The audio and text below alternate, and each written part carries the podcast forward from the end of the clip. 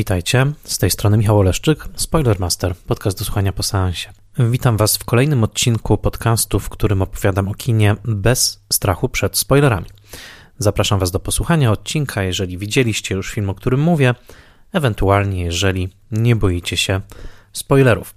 Ja jestem wykładowcą Wydziału Artes Liberales Uniwersytetu Warszawskiego, a ten podcast powstaje w całości po godzinach.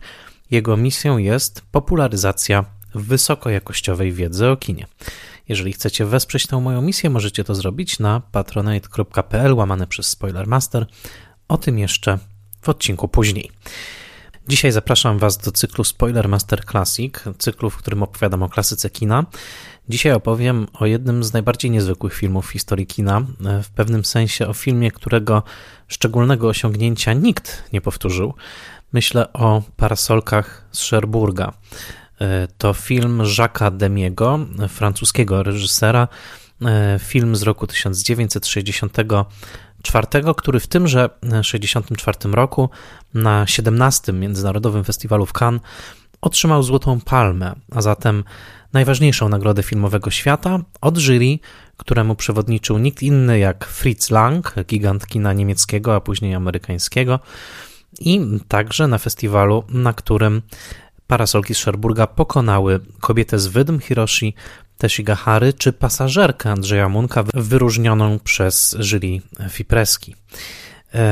Parasolki Szerburga, innymi słowy, wygrały na tamtym festiwalu z filmami bardzo poważnymi, bardzo także nowoczesnymi, również w prezentowaniu seksualności, obyczajowości. Myślę tutaj właśnie o kobiecie z Wydm.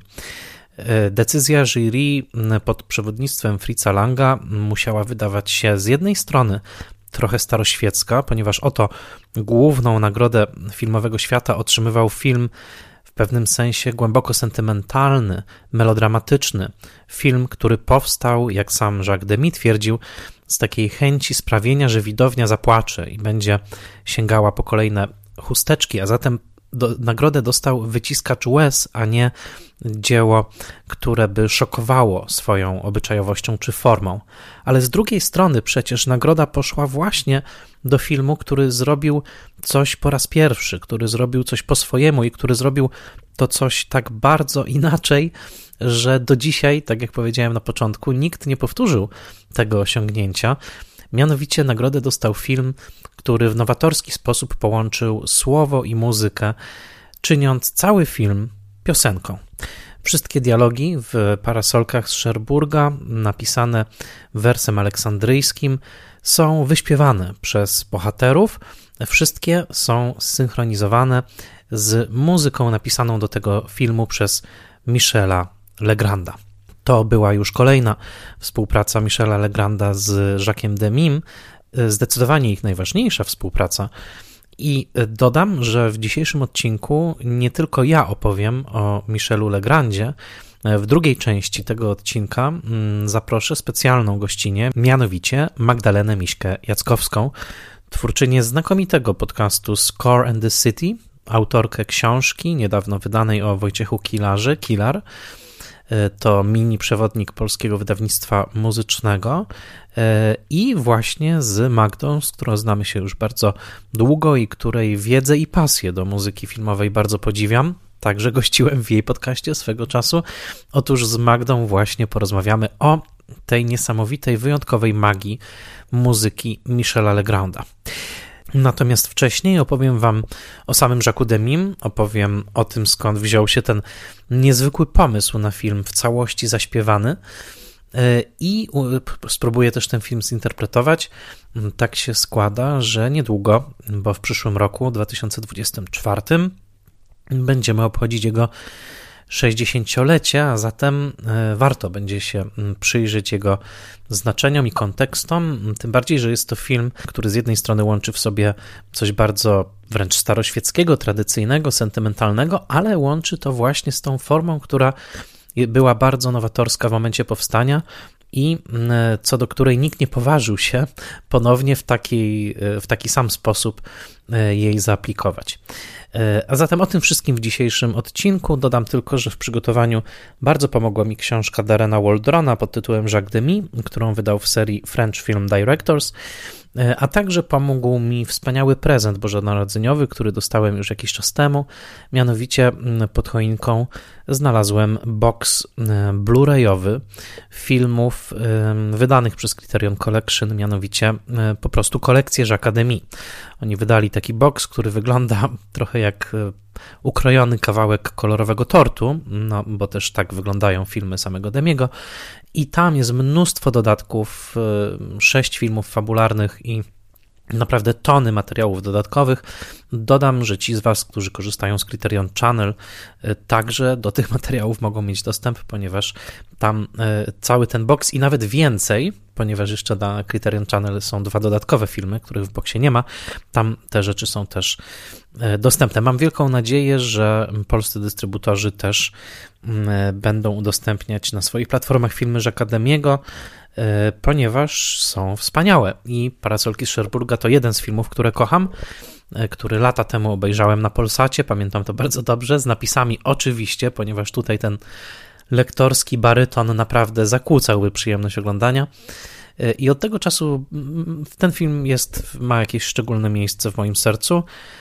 Powiem też, że wydaje mi się, że mm, każda osoba, która obejrzała ten film w młodości, będzie miała taki zakątek swojego serca, swojej pamięci, zarezerwowany tylko dla parasolek, ponieważ jest to film o ogromnej mocy uczucia, jest to melodramat, e, który naprawdę dotyka kwestii tego, czy e, nasza pierwsza miłość jest w stanie przetrwać, a przecież dla młodego człowieka takie pytanie jest często kluczowe i gorzko-słodka konkluzja tego filmu, o której jeszcze powiemy, no daje taką odpowiedź, która jest trochę jak szczepionka na przyszłość. Na pewno jest to odpowiedź bolesna, ale także wydaje się, że bardzo prawdziwa.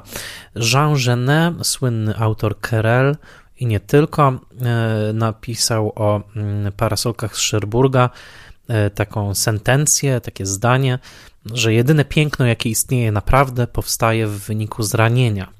I tą raną otwartą, mimo że kolorową, mimo że rozśpiewaną, są właśnie parasolki z Szerburga ponieważ nie było w historii kina chyba tak pięknie ulukrowanego ptysia, jak ten film, mm, pełny koloru, różów, zieleni, purpury, no podany nam jako po prostu cudowny, kolorowy tort mm, e, z francuskiej cukierni, który jednocześnie miałby w sobie tak dużo goryczy, tak dużo tęsknoty, tak dużo melancholii samego Jean'a Demiego, którą widzimy tym lepiej, im więcej filmów Demiego e, oglądamy.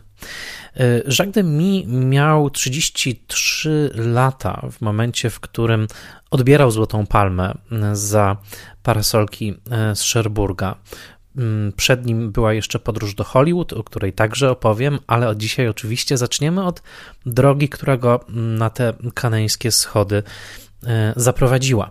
E, Demi urodził się w roku 1931, dokładnie 5 e, czerwca, zatem jest spod znaku bliźniąt. To także mój znak, ale jest to także znak panienek z Rochefort, e, zwracam uwagę, e, dwie bliźniaczki spod znaku bliźniąt, taka jest ich pierwsza piosenka, to swoista kontynuacja Parasolek z Szerburga, a zatem jest to reżyser spod znaku bliźniąt, urodzony jako się rzekło, w roku 1931 w miejscowości Pontchâteau, to jest w Bretanii i Jacques Demy zawsze bardzo podkreślał lokalną dumę.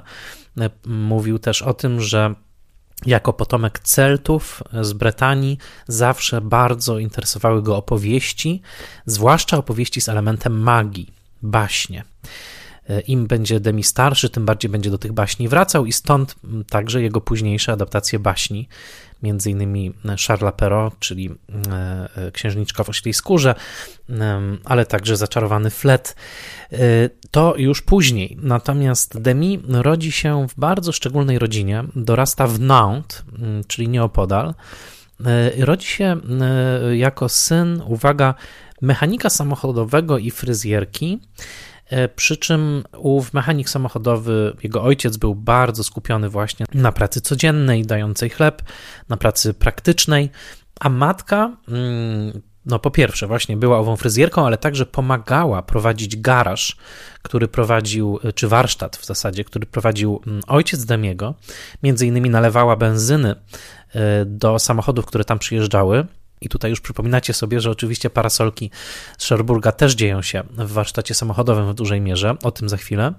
E, ale ta matka uwielbiała też śpiewać i zabierała E, Żaka do kina i do teatru, gdzie na przedstawienia muzyczne dla dzieci. E, I tutaj zaczyna się to ciekawe rozdwojenie, które ostatnio dostrzegam w bardzo wielu narracjach o, o, o reżyserach rozmaitych bo to jest historia i Jamesa Camerona, którego ojciec był inżynierem, matka była bardziej wychylona w stronę artystyczną. To jest historia Stevena Spielberga, którą opowiedział nam w Fablemanach, ten sam podział. I tutaj też mamy właśnie to, czyli wrażliwy syn, e, matka z bardzo rozwiniętą tą stroną kreatywną, i ojciec, który jest skupiony no tutaj właśnie na prowadzeniu owego, owego warsztatu. Ojciec wręcz przymusił Żaka e, Demiego do tego, żeby też się do tego zawodu przyuczył, ale jednak ten głód sztuki był wystarczająco duży, żeby już w dzieciństwie, tak jak Spielberg w Fablemanach, tylko że na troszkę jednak skromniejszą skalę Francji lat 30. i wczesnych 40., e, żeby no, dotknąć jakoś tego medium.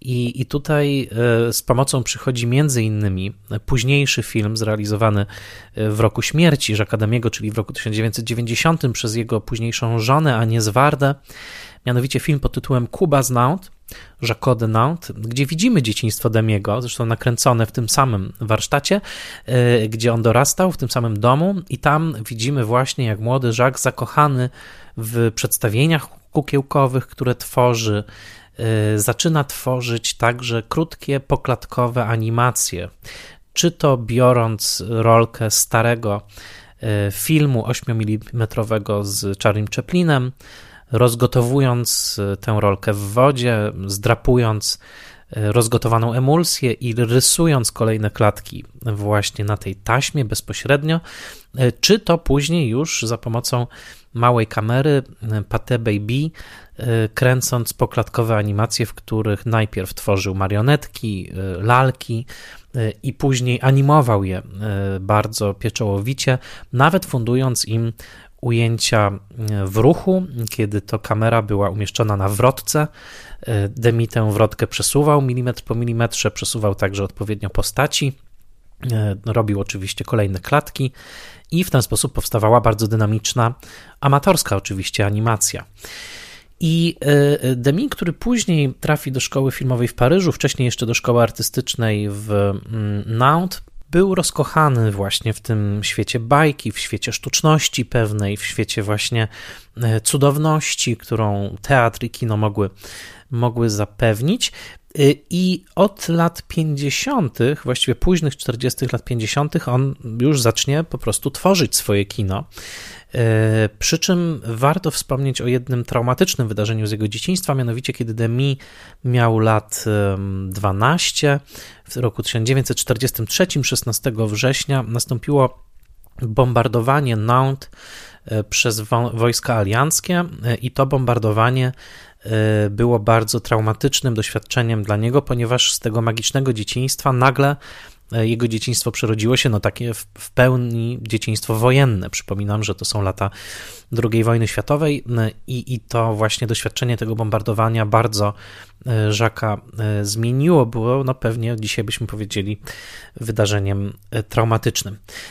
Demi zaczyna swoją karierę filmową na dobre w latach 50. Wtedy już dosyć wcześnie poznaje swojego kluczowego współpracownika, mianowicie scenografa Bernarda Evena, który zrobi scenografię między innymi cudowną scenografię właśnie do e, parasolek z Sherburga i panienek z Rochefort, ale dwa nazwiska, a właściwie trzy nazwiska, o których mówi się e, jako o takich ważnych nazwiskach dla Jacques Demiego, to znaczy nazwiskach, które ukształtowały jego wrażliwość, e, mm, to są nazwiska z kina francuskiego, to Jean Cocteau, czyli twórca poezji, ale także artysta plastyk i filmowiec, twórca m.in. surrealistycznego filmu Krew Poety i baśni Piękna i Bestia z Jeanem Marais, z 1946 roku. Ten film pełen bardzo prostych, a jednocześnie pomysłowych, magicznych efektów specjalnych oddziałał niesamowicie na wyobraźnię Demiego. E, a oczywiście Orfeusz późniejszy to też duży wpływ. Sam Demi w 1985 roku zrealizuje swoją wersję Orfeusza e, i też będzie zatrudniał e, nieraz Jeana Marais, czyli aktora, który grał właśnie Orfeusza u Cocteau. A zatem z jednej strony ten świat magiczny, surrealistyczny, ale także z pewnym odcieniem homoerotycznym, co nie będzie bez znaczenia dla Jacques Demiego. Z drugiej strony Georges Rouquier. I Rouquier to jest postać o wiele mniej znana dzisiaj zwłaszcza, natomiast był to no, ojciec e, powojennego, zwłaszcza francuskiego kina dokumentalnego. On nakręcił tuż po wojnie taki bardzo słynny, bardzo wpływowy film o życiu francuskiej wsi pod tytułem Farebik. Dzisiaj nie mamy czasu, żeby się w to e, zagłębiać, ale to był taki traktat o życiu w zgodzie z naturą, e, taki można powiedzieć troszeczkę w tradycji Roberta Flahertiego, a zatem szacunku dla bohatera, szacunku dla ziemi, szacunku dla natury, dla jej rytmów. I właśnie Rokie bierze pod skrzydła Demiego, mm, cóż za połączenie, prawda? Ultra y, surrealista Cocteau i ultra realista Rokie i pod jego opieką mm, e, Demi kręci swój pierwszy ważny film, to znaczy film o mm, cieśli z Zatoki Loary, Le Sabotier du Val de Loire. To jest rok 1955, a zatem na 9 lat przed parasolkami, można powiedzieć. I to jest bardzo klasycznie zrealizowany dokument, który też można znaleźć na YouTubie swoją drogą, w którym on pokazuje mężczyznę z wsi francuskiej, e, który zajmuje się rzeźbieniem e, wyrobem sabotów, czyli takich drewnianych butów, które po latach także Hermano Olmiego bardzo zainspirują do nakręcenia swojego filmu. Tu odsyłam do mojej listy top 100 e, z pewną zagadką dla tych, którzy nie wiedzą. Ale tak, ten mężczyzna robi saboty mm, i ten mężczyzna jednocześnie e, zmaga się ze śmiercią przyjaciela. Tam jest wątek żałoby po tym przyjacielu, e, wątek bezdzietnej żony, która właśnie nie może mieć potomstwa i dlatego oni trwają w takim szczęśliwym małżeństwie, ale jednocześnie ten brak mm, potomstwa jest wyzwaniem. I to jest taki 20-minutowy, klasyczny portret, w którym Demi pokazuje z jednej strony swoje bystre oko do obserwacji, ale z drugiej strony pokazuje człowieka bardzo mocno wrośniętego w taki tradycyjny, właśnie wiejski porządek życia. Widzimy tam y, zabijanie królika na obiad, oprawianie go, mm, obdzieranie ze skóry, widzimy ostrzenie noży, widzimy mm, y, wyrób owych sabotów, widzimy rytm poranka, wieczoru, widzimy wiejski pogrzeb. Y, zanurzenie w takiej wiejskiej, tradycyjnej, tradycyjnej Francji które odbija się także w filmie z roku 1959, także krótkim, także dokumentalnym, pod tytułem R. I ten tytuł pisze się Ars, i to jest bardzo niezwykły film, ponieważ on ujawnia wpływ jeszcze jednego nazwiska. Obiecałem, że będą trzy nazwiska, e, które wpłynęły na Demiego, i tym trzecim nazwiskiem jest Robert Bresson. Robert Bresson odsyłam do odcinka o Na los szczęścia Baltazarze, wielki filozof kina francuskiego, e, niesłychanie mocno wpłynął na Demiego. Demi nawet mówił, że to dla niego był najważniejszy twórca. Mm, będzie po latach mm, pracował z aktorkami Bressona, z Dominique Saunda na przykład. Będzie zatrudniał operatora e, Bressona, czyli Glocketa, e, który niemal po sobie nakręci estetyczną muszet i rozbuchany kolorem panienki z Rochefort. E, tak czy inaczej, ów Bresson e, w latach 50. oczywiście był twórcą przede wszystkim e, dziennika wiejskiego proboszcza, a wcześniej, jeszcze w latach 40., Dam z Lasku Bulońskiego, który to film Demi często podawał jako w ogóle najważniejszy film swojego życia. Owe damy z Lasku Bulońskiego mają nawet echo obsadowe w filmie późniejszym Lola i nawet pojawia się tam jeden kadr z tegoż filmu. Tak czy siak, film Ars, czyli Ar, tak powinniśmy czytać, z roku 1959. To jest troszkę krótszy film dokumentalny e, niż Le Sabotier du Val de Loire, ale jest to film bardzo niezwykły, poświęcony figurze historycznej, taki historyczny portret, można powiedzieć, niejakiego e, Jean-Baptiste Marca Vianot, który mm, był proboszczem parafii w Ars-sur-Forman między rokiem 818 i 859, a zatem w XIX wieku. W 1925 roku papież Pius XI kanonizował e, tego, tego proboszcza i ten film jest hołdem dla tego proboszcza. I zatem, jeżeli w 50 roku powstał Dziennik Wiejskiego Proboszcza Bressona, w 59 roku Demi robi swój hołd dla proboszcza, prawdziwego tym razem, no to nie dziwią nas pewne podobieństwa. Te podobieństwa tu są. Oczywiście yy, yy, Demi nie może filmować swojego bohatera, chociaż dosyć uparcie filmuje jego, jego nagrobek. Ale film jest niezwykły i bardzo istotny, moim zdaniem, dla zrozumienia całej twórczości Demiego. Mianowicie jest to film wygłoszony z taką narracją z zakadru, który jest taką, taką jednoznaczną, jednomyślną pochwałą tego bardzo surowego proboszcza. Słuchamy tej pochwały i zastanawiamy się, im dłużej ona trwa, na ile Demi zamierzył ją poważnie, dlatego że no, tam są takie zdania, że e, na przykład, że ten proboszcz e, dostrzegł, że tańce są czymś bardzo e, bardzo kuszącym do grzechu, więc zakazał wszelkich tańców. I głos z zakadru pochwala tą decyzję, że tak, że sala taneczna to wylęgarnia demonów. To samo dotyczy śpiewu. To samo dotyczy mm, kabaretów, pada słowo kabaret, czyli takich właśnie zamkniętych klubów, można powiedzieć, e, gdzie odbywają się właśnie tańce, a może także inne swawole. I to wszystko ów proboszcz pozamykał, namawiał do życia, do takiej ogromnej ascezy. I lektor filmu R wypowiada wszystkie te słowa aprobatywnie. To znaczy, e, jest, e, mówi się o tancerkach, mówi się o kabaretach i natychmiast dostajemy zdjęcia pozamykanych tych miejsc i jest taka pochwała właśnie tej takiej absolutnej ascezy, tego świętego męża, do którego świętości i poziomu ascezy cała wspólnota tej miejscowości Ar musiała dopiero dorosnąć i oni dopiero z opóźnieniem zrozumieli, że najważniejsze jest dla nich wszystkich, aby udać się do spowiedzi do tego e, proboszcza i jakby oczyścić duszę z tych wszystkich grzechów.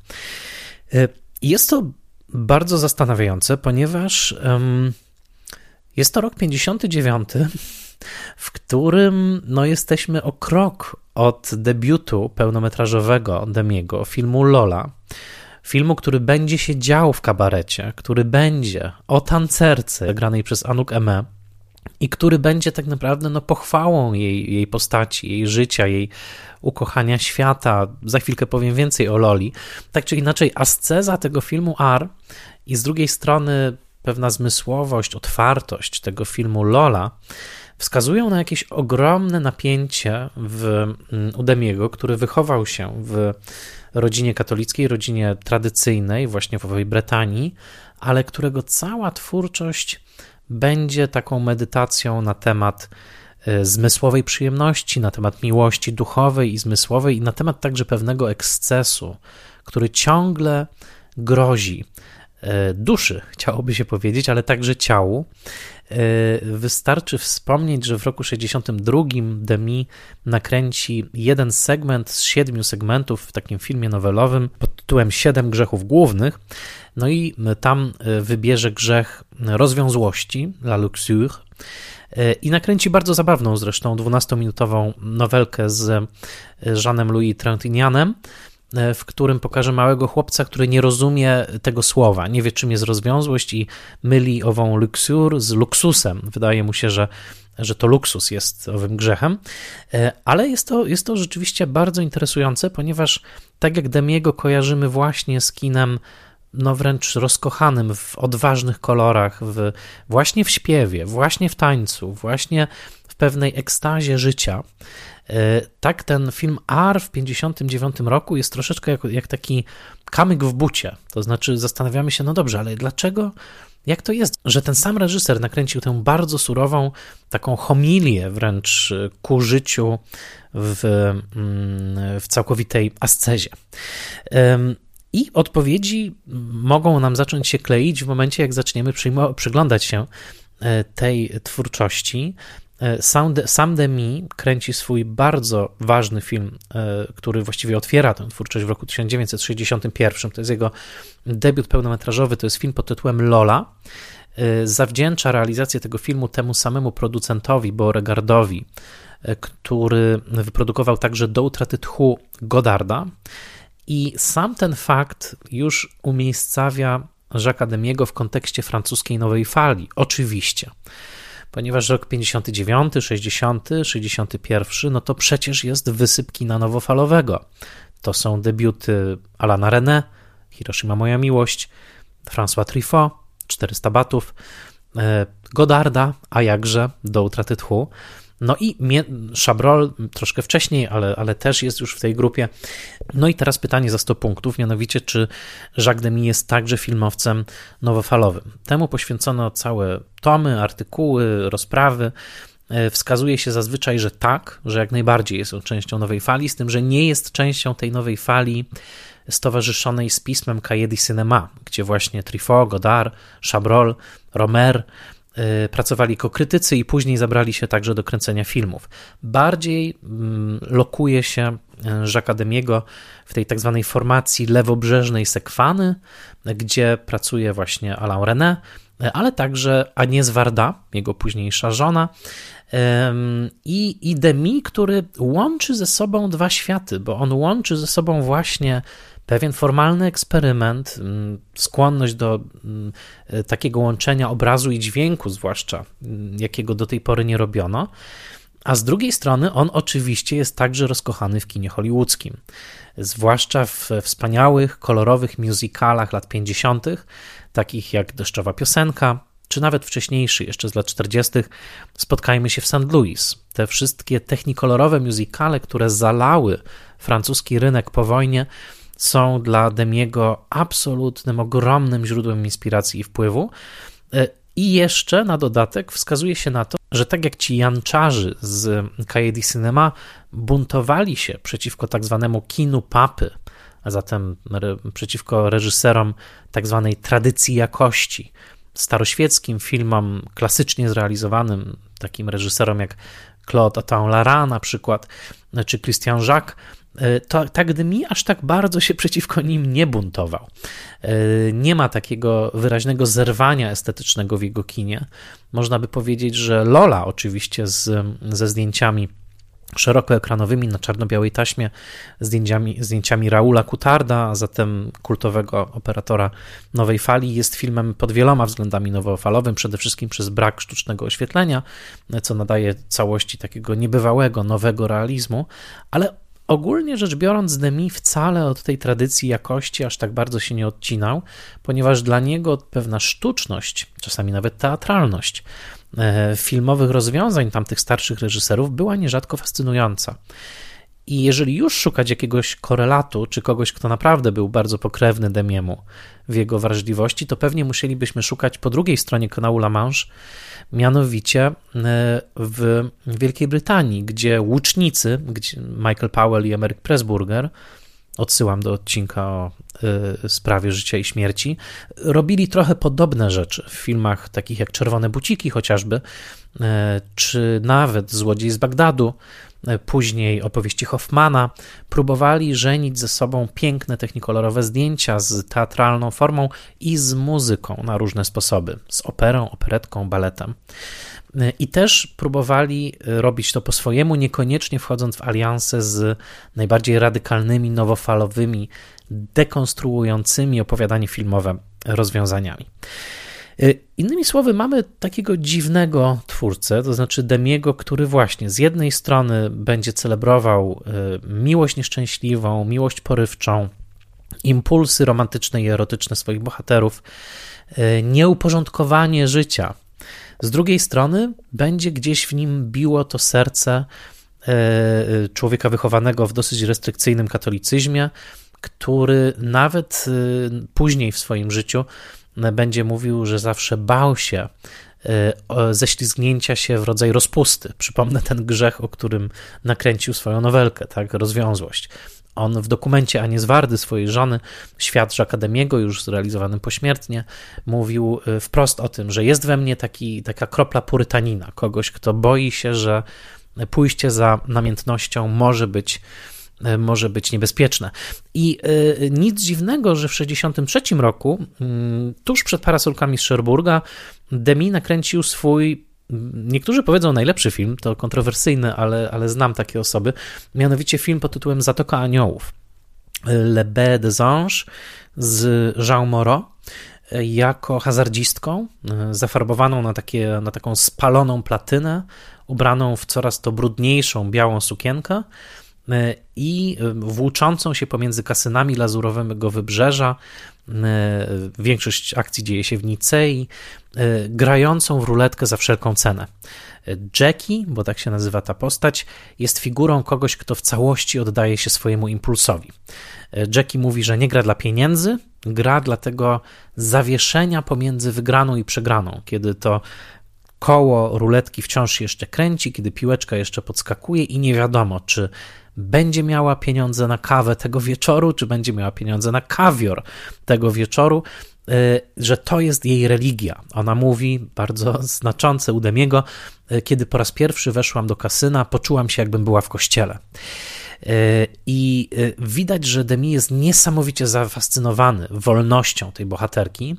Jest też zafascynowany jej oczywiście aspektem autodestrukcyjnym i w takiej wersji troszkę bardziej miękkiej, ludzkiej, uśmiechniętej, on pokazuje taką bohaterkę już w filmie Lola, gdzie Anouk Eme jest także taką postacią bardzo płynną, impulsywną, chwilami przerażającą w tych swoich impulsach dla męskiego bohatera, z tym, że Lola jest także postacią, w przeciwieństwie do Jackie, bardzo ciepłą, e, taką napełnioną humanizmem, miłością samego Demiego, ale także nie przyczepioną do żadnego konkretnego miejsca.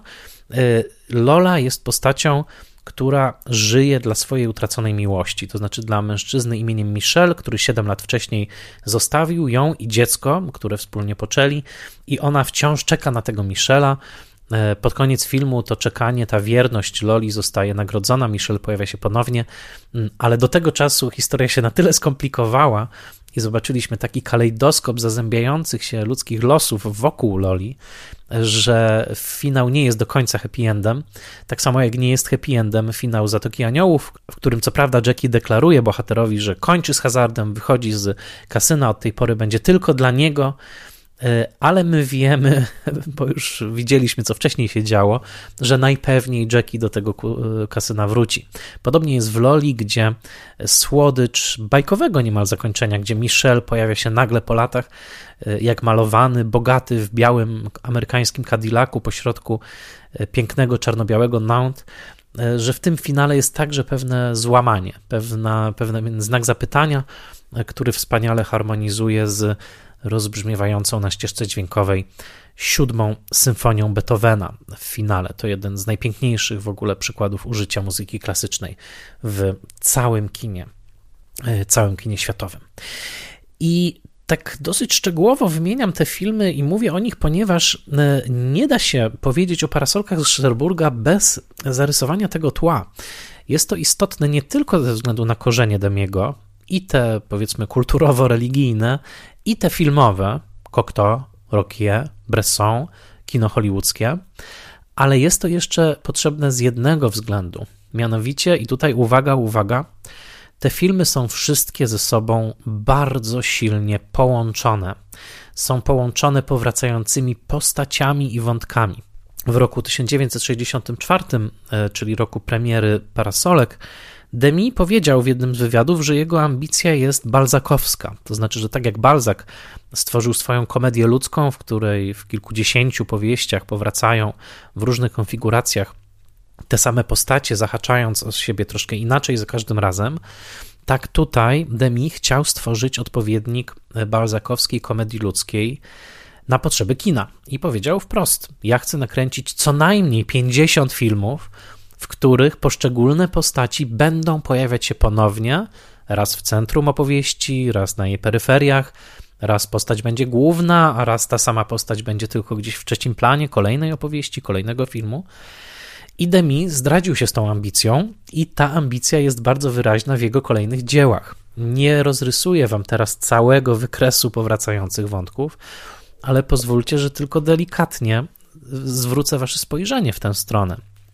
Ponieważ jeżeli spojrzycie na Lolę i spojrzycie na bohatera Rolanda Casarda w tym e, filmie, zagranego przez Marka Michela, to ten sam Roland Cassard, który przez cały film waha się, czy wyjechać z Nantes, czy przyjąć e, szemraną pracę przy szmuglu biżuterii, czy może wrócić do Loli, którą zapamiętał z dzieciństwa i którą, jak twierdzi, przynajmniej przez pół popołudnia bardzo kocha. E, ten sam Roland Cassard, który pod koniec filmu Lola e, jest widziany właśnie przez Lolę z samochodu, jak odchodzi w dal i zapewne wyjeżdża do owego Johannesburga. E, ten sam Roland Cassard powraca w parasolkach z Cherburga E, i mówi tam e, bohaterce mm, tamtego filmu, że no była kiedyś taka dziewczyna Lola, która jednak mnie nie kochała i ja później, kiedy ona mnie odrzuciła, to zjeździłem pół świata, e, zrobiłem majątek i teraz oto wracam z tym majątkiem, który zrobiłem na sprzedaży klejnotów. Dzięki czemu jest bardzo, bardzo pożądaną partią przez matkę Genevieve w parasolkach.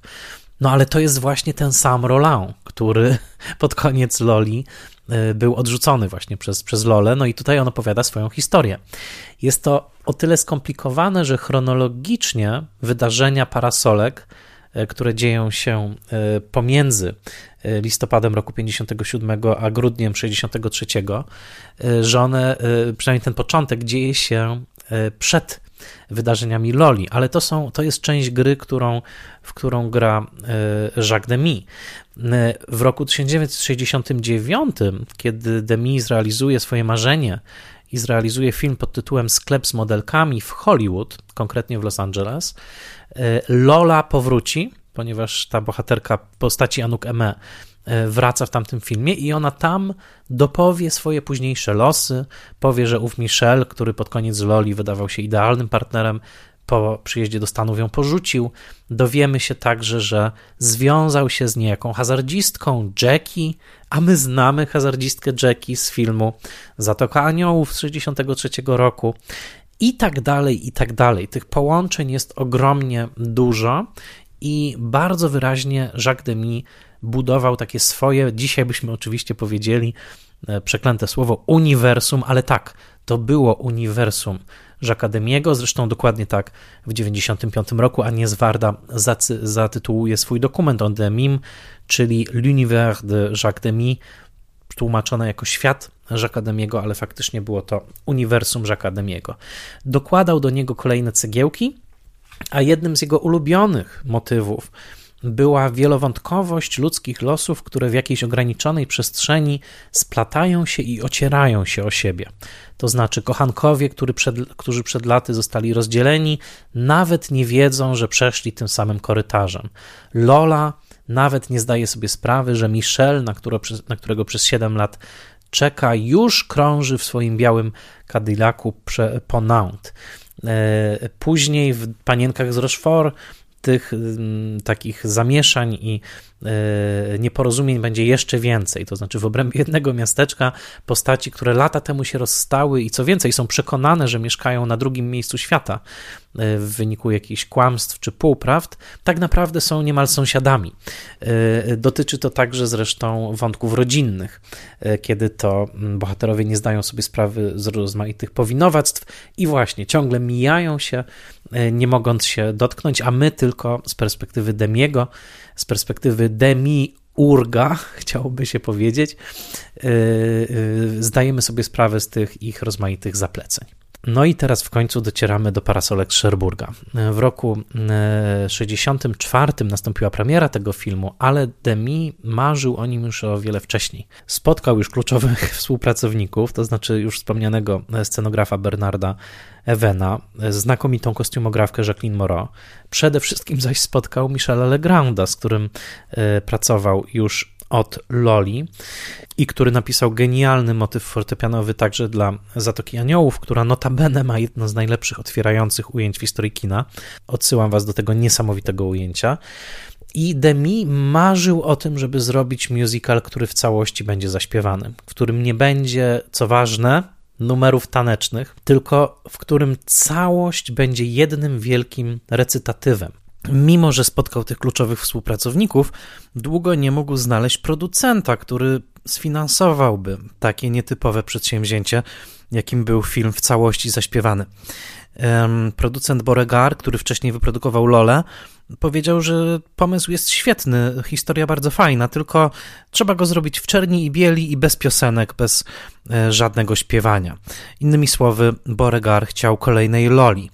Dopiero kiedy Demi spotkał Mag Bodar, producentkę, która była gotowa na kreatywną przygodę, wszystkie klocki zaczęły wskakiwać na swoje miejsce i dzięki ryzyku podjętym przez tę producentkę film mógł powstać. I za chwilę w rozmowie z Magdą Miśką Jackowską rozpakujemy trochę bardziej ten muzyczny pomysł.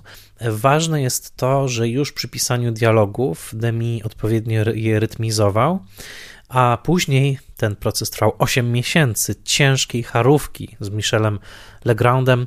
E, układali e, e, tą harmonię słów i muzyki. Legrand rozpisał poszczególne tematy i też wsłuchajcie się, ponieważ motyw Rolanda Casarda, czyli owego mężczyzny, do którego trafia Genevieve, koniec końców, jest motywem muzycznym już wcześniej wykorzystanym w Loli, ilekroć Kasar się pojawia na ekranie, a zatem te połączenia komedii ludzkiej Demiego były bardzo głębokie i miały charakter także, e, także muzyczny. E, fabuła Parasolek Szerburga jest e, prościutka, podzielona na trzy części, rozgrywa się, jako już się rzekło, między listopadem roku 57 a grudniem 63 jest podzielona na trzy rozdziały: wyjazd, nieobecność i powrót. Obserwujemy młodych ludzi, Genevieve, graną przez cudowną dwudziestoletnią Catherine Deneuve, którą Demi de facto odkrywa dla kina i z którą będzie w sumie pracował czterokrotnie, a Guillem, grany przez Nino Castelnovo, to włoski aktor, E, on jest mechanikiem samochodowym w warsztacie, ona pracuje w sklepie jej matki, e, tutaj w tej roli Anne Vernon. E, ten sklep sprzedaje parasolki, mieści się w Szerburgu. W momencie, kiedy nieakceptowany przez matkę Genevieve Guy dostaje powołanie do wojska, wyjeżdża do Algierii, tam spędza dwa lata i ta długa nieobecność, właśnie ten drugi człon, drugi rozdział opowieści Absence, nieobecność, E, wywołuje powolne blaknięcie uczucia, uczucia u Genevieve, ponieważ jedyna ich wspólna miłosna noc tuż przed wyjazdem Gija na wojnę zaowocowała ciążą Genevieve, to pojawia się także presja i matczyna, i ekonomiczna, żeby jednak ktoś tym dzieckiem się zajął. I właśnie wówczas pojawia się ów Roland Cassar, który wcześniej pokochał Lolę a który teraz kocha Genevieve i to jest jego motyw muzyczny. Tak, e, to jest Roland, e, który pojawia się w tym filmie, no i pod presją matki, ale też z własnej woli, to nie jest e, tutaj wymuszona sytuacja. Genevieve decyduje się na małżeństwo z nim, po czym następuje gorzka, trzecia część, gorzko-słodka, powrót, kiedy to Guy wraca z wojny w Algierii, jest nieprzystosowany, ma, dzisiaj byśmy powiedzieli, syndrom stresu pourazowego, e, jest tą wojną straumatyzowany, był także ranny, e, kuleje i wraca do Szerburga, w którym już nie ma Genevieve, w którym jego miłości już nie ma i trafia prosto w ramiona niejakiej Madeleine, jak sama Anies Warda powiedziała, dziewczyny chrześcijańskiej. To tutaj podkreślam cytat z Wardy i Madeleine właśnie ta dziewczyna chrześcijańska, którą jeden z krytyków porównał także do Soni Raskolnikowa, e, Dostojewskiego, Mianowicie ona na niego czeka, przyjmuje go w swoich ciepłych, niemalże matczynych ramionach. Nie mamy żadnych wątpliwości, że nie ma tam tej namiętności, która była pomiędzy Genevieve i Guillem. E, no i jest małżeństwo. Jest małżeństwo, jest dziecko i mamy niesamowity finał, jeden z najsłynniejszych finałów historii kina. Mianowicie e, Guy w końcu otwiera swoją wymarzoną stację benzynową Esso e, której model miał już w swoim pokoju jeszcze w 1957 roku, kiedy spotykał się tam z Genevieve, możemy go dostrzec w rogu, otwiera ową stację benzynową, prowadzi ją wspólnie z Madeleine, innymi słowy powtarza scenariusz rodziców Demiego. I nagle na tej stacji pod nieobecność Madeleine w okresie bożonarodzeniowym, kiedy sypie gęsty śnieg z czarnego nieba, pojawia się na chwilę Genevieve. E, bogata, z nową fryzurą, w pięknym futrze, drogim samochodzie. E, na chwilę wchodzi do tej stacji benzynowej, rozmawiają, udają, że się nic nie wydarzyło, po czym rozstają się. Być może dawne uczucia zostały w nich rozniecone na nowo, ale życiowe wybory wybudowa wybudowały już pomiędzy nimi mur, który jest nie do przebycia. Film się kończy, Madeleine wraca, e, Guy wita Madeleine z szeroko otwartymi ramionami, zaczyna bawić się ze swoim synkiem, to tak naprawdę synek Michela Legranda.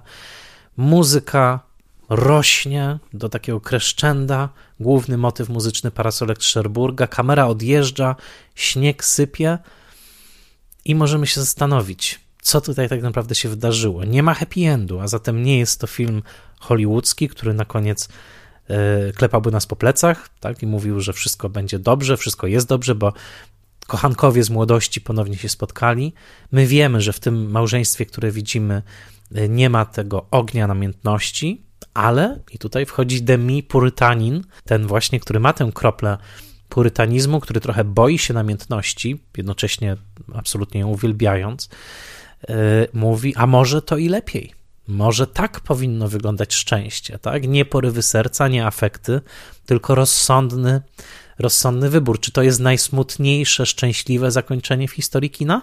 Pyta jeden z krytyków. Czy najszczęśliwsze, smutne zakończenie w historii kina? Odpowiedź zapewne leży gdzieś po środku. Jak zwraca uwagę jeden z komentatorów, na pierwszym planie tego ostatniego ujęcia, kiedy kamera już wystarczająco oddali się od stacji benzynowej Esso, widzimy taką barierkę ochronną ustawioną przez służby miejskie, na której miga taka dosyć duża czerwona lampka ostrzegawcza, taki alarm, takie ostrzeżenie. No i tutaj popis interpretacyjny, mianowicie ten krytyk twierdzi, że to jest esej wizualny zawarty na płycie z Kryteriona, że ta czerwona lampka to jest ostrzeżenie. To znaczy Demi, który nie umieszczał w swoim kadrze przypadkowych elementów, ponieważ wszystko było tak kontrolowane, ostrzega nas tym czerwonym światełkiem przed tą drogą, którą obrał Guy, którą obrała Genevieve, to znaczy przed drogą rozsądną, przed tą drogą rozsądnego, burżuazyjnego wyboru. Oczywiście w przypadku Genevieve to był jednocześnie pewien awans społeczny, ale też małżeństwo szacowne, zaoferowane jej przez Rolanda, do którego także nie czuła namiętności. Z drugiej strony Guy, który właśnie wylądował w owych ramionach Madeleine i tutaj Demi ustawia na pierwszym planie ten, ten, tę barierkę mrugającą na czerwono. Niebezpieczeństwo, danger, nie idźcie tą drogą. A być może jest zupełnie inaczej. Być może, jak sugeruje Anies Warda w jednym z wywiadów, e, Demi namawia do pewnego takiego minimalizmu egzystencjalnego. Jak sama mówi, i ten cytat pada też w Loli, samo pragnienie szczęścia jest już szczęściem. To znaczy, że tak długo jak czegoś w życiu chcemy, tak długo jesteśmy szczęśliwi. I wydaje mi się, że to zakończenie, które rzeczywiście do dzisiaj wywołuje łzy, do dzisiaj można je wielokrotnie interpretować i wielorako, jest takim zakończeniem, które, e, które do końca świata i jeden dzień dłużej będzie wywoływało dyskusję, ponieważ co tak naprawdę się wydarzyło tam i czy Demi pochwala te wybory bohaterów, czy nie, czy zostawia nam z poczuciem tragizmu, czy wręcz przeciwnie, ten Guy i jego żona Madeleine i synek zamknięci w tej szklanej kuli e, z stacji benzynowej są po prostu figurą idealnego rodzinnego szczęścia, takiego szczęścia, jakie możliwe jest na tym świecie, ponieważ wszystko inne jest ulotne, wszystko inne skazuje nas na taką egzystencję, jaką wiedzie Jackie, e, nienasycona hazardzistka w e, Zatoce Aniołów, która, co bardzo istotne, porzuciła swoje dziecko właśnie dla e, gry w kasynie. Nad tym zakończeniem parasolek Szerburga unosi się taki duży, chciałoby się powiedzieć migający znak zapytania i sugestia bardzo, bardzo sprzecznych, takich ambiwalentnych, ciekawych odczytań. Wydaje mi się, że odbija się w nim prawdziwe cierpienie, prawdziwe cierpienie jakiegoś wyboru i nie dziwią mnie tutaj słowa Żeneta, powrócę do nich, który po obejrzeniu tego filmu powiedział, że jedyne piękno, jakie powstaje, to powstaje w, e, w wyniku zranienia. I w, tej, w tym zakończeniu wydaje się, że ta rana e, jest na tyle opatrzona, żeby nie zagrażać życiu, ale nie jest zaleczona, ponieważ tak naprawdę e, rana pomiędzy tym, co jest możliwe, a tym, co jest wybrane w życiu bohaterów, pozostaje, pozostaje otwarta. Na tym samym festiwalu w Cannes, na którym y, parasolki Sherburga otrzymały Złotą Palmę, film otrzymał także nagrodę techniczną. I jest ten film rzeczywiście dokonaniem technicznym. Trzeba na to zwrócić uwagę, ponieważ jest to trochę film jak takie pudełko czekoladek, to znaczy każde ujęcie jest idealnie dopracowane. Zdjęcia Żana Rabiera, scenografia Evena, kostiumy Jacqueline Moreau, to wszystko razem pracuje na wizję takiego no, idealnego domku dla lalek, ponieważ Cherbourg, który jest oczywiście prawdziwym miejscem w Normandii i swoją drogą dosyć potężną bazą wojskową, e, centrum przemysłu stoczniowego, w którym e, w roku ukończenia parasolek Cherburga de Gaulle zacznie budować pierwsze e, jednostki podwodne z napędem jądrowym we Francji. Y, to ten Sherbrooke tutaj jest pokazany nie jako militarne miejsce bardzo, chociaż rzeczywiście chodzą tam cały czas marynarze i widzimy statki, natomiast jest pokazany jako rodzaj takiej bombonierki czekającej na kochanków. I synchronizacja kolorystyczna tego filmu, inspirowana przede wszystkim malarstwem Matissa, jest do dzisiaj czymś niezwykłym. Te papuzie kolory, oranże, fiolety, zielenie, widoczne i na strojach bohaterów, na ich kostiumach, ale także na zamówionych specjalnie do tego filmu i potem z powodzeniem także kontynuowanych i sprzedawanych tapetach, którymi są właśnie wyłożone ściany e, sklepu, ściany mieszkania. E, to wszystko jest cukierek dla oka. Ten film rzeczywiście jest, tak jak wcześniej powiedziałem, takim cudownie lukrowanym e, ptysiem i pomyślcie o tym, jak dużo koordynacji kolorystycznej to wymagało, żeby to nie kłóciło się ze sobą, nie gryzło i żebyśmy nie czuli się zmęczeni po obejrzeniu tego filmu, bo tutaj za każdym razem ta kompozycja kolorystyczna jest wybitna.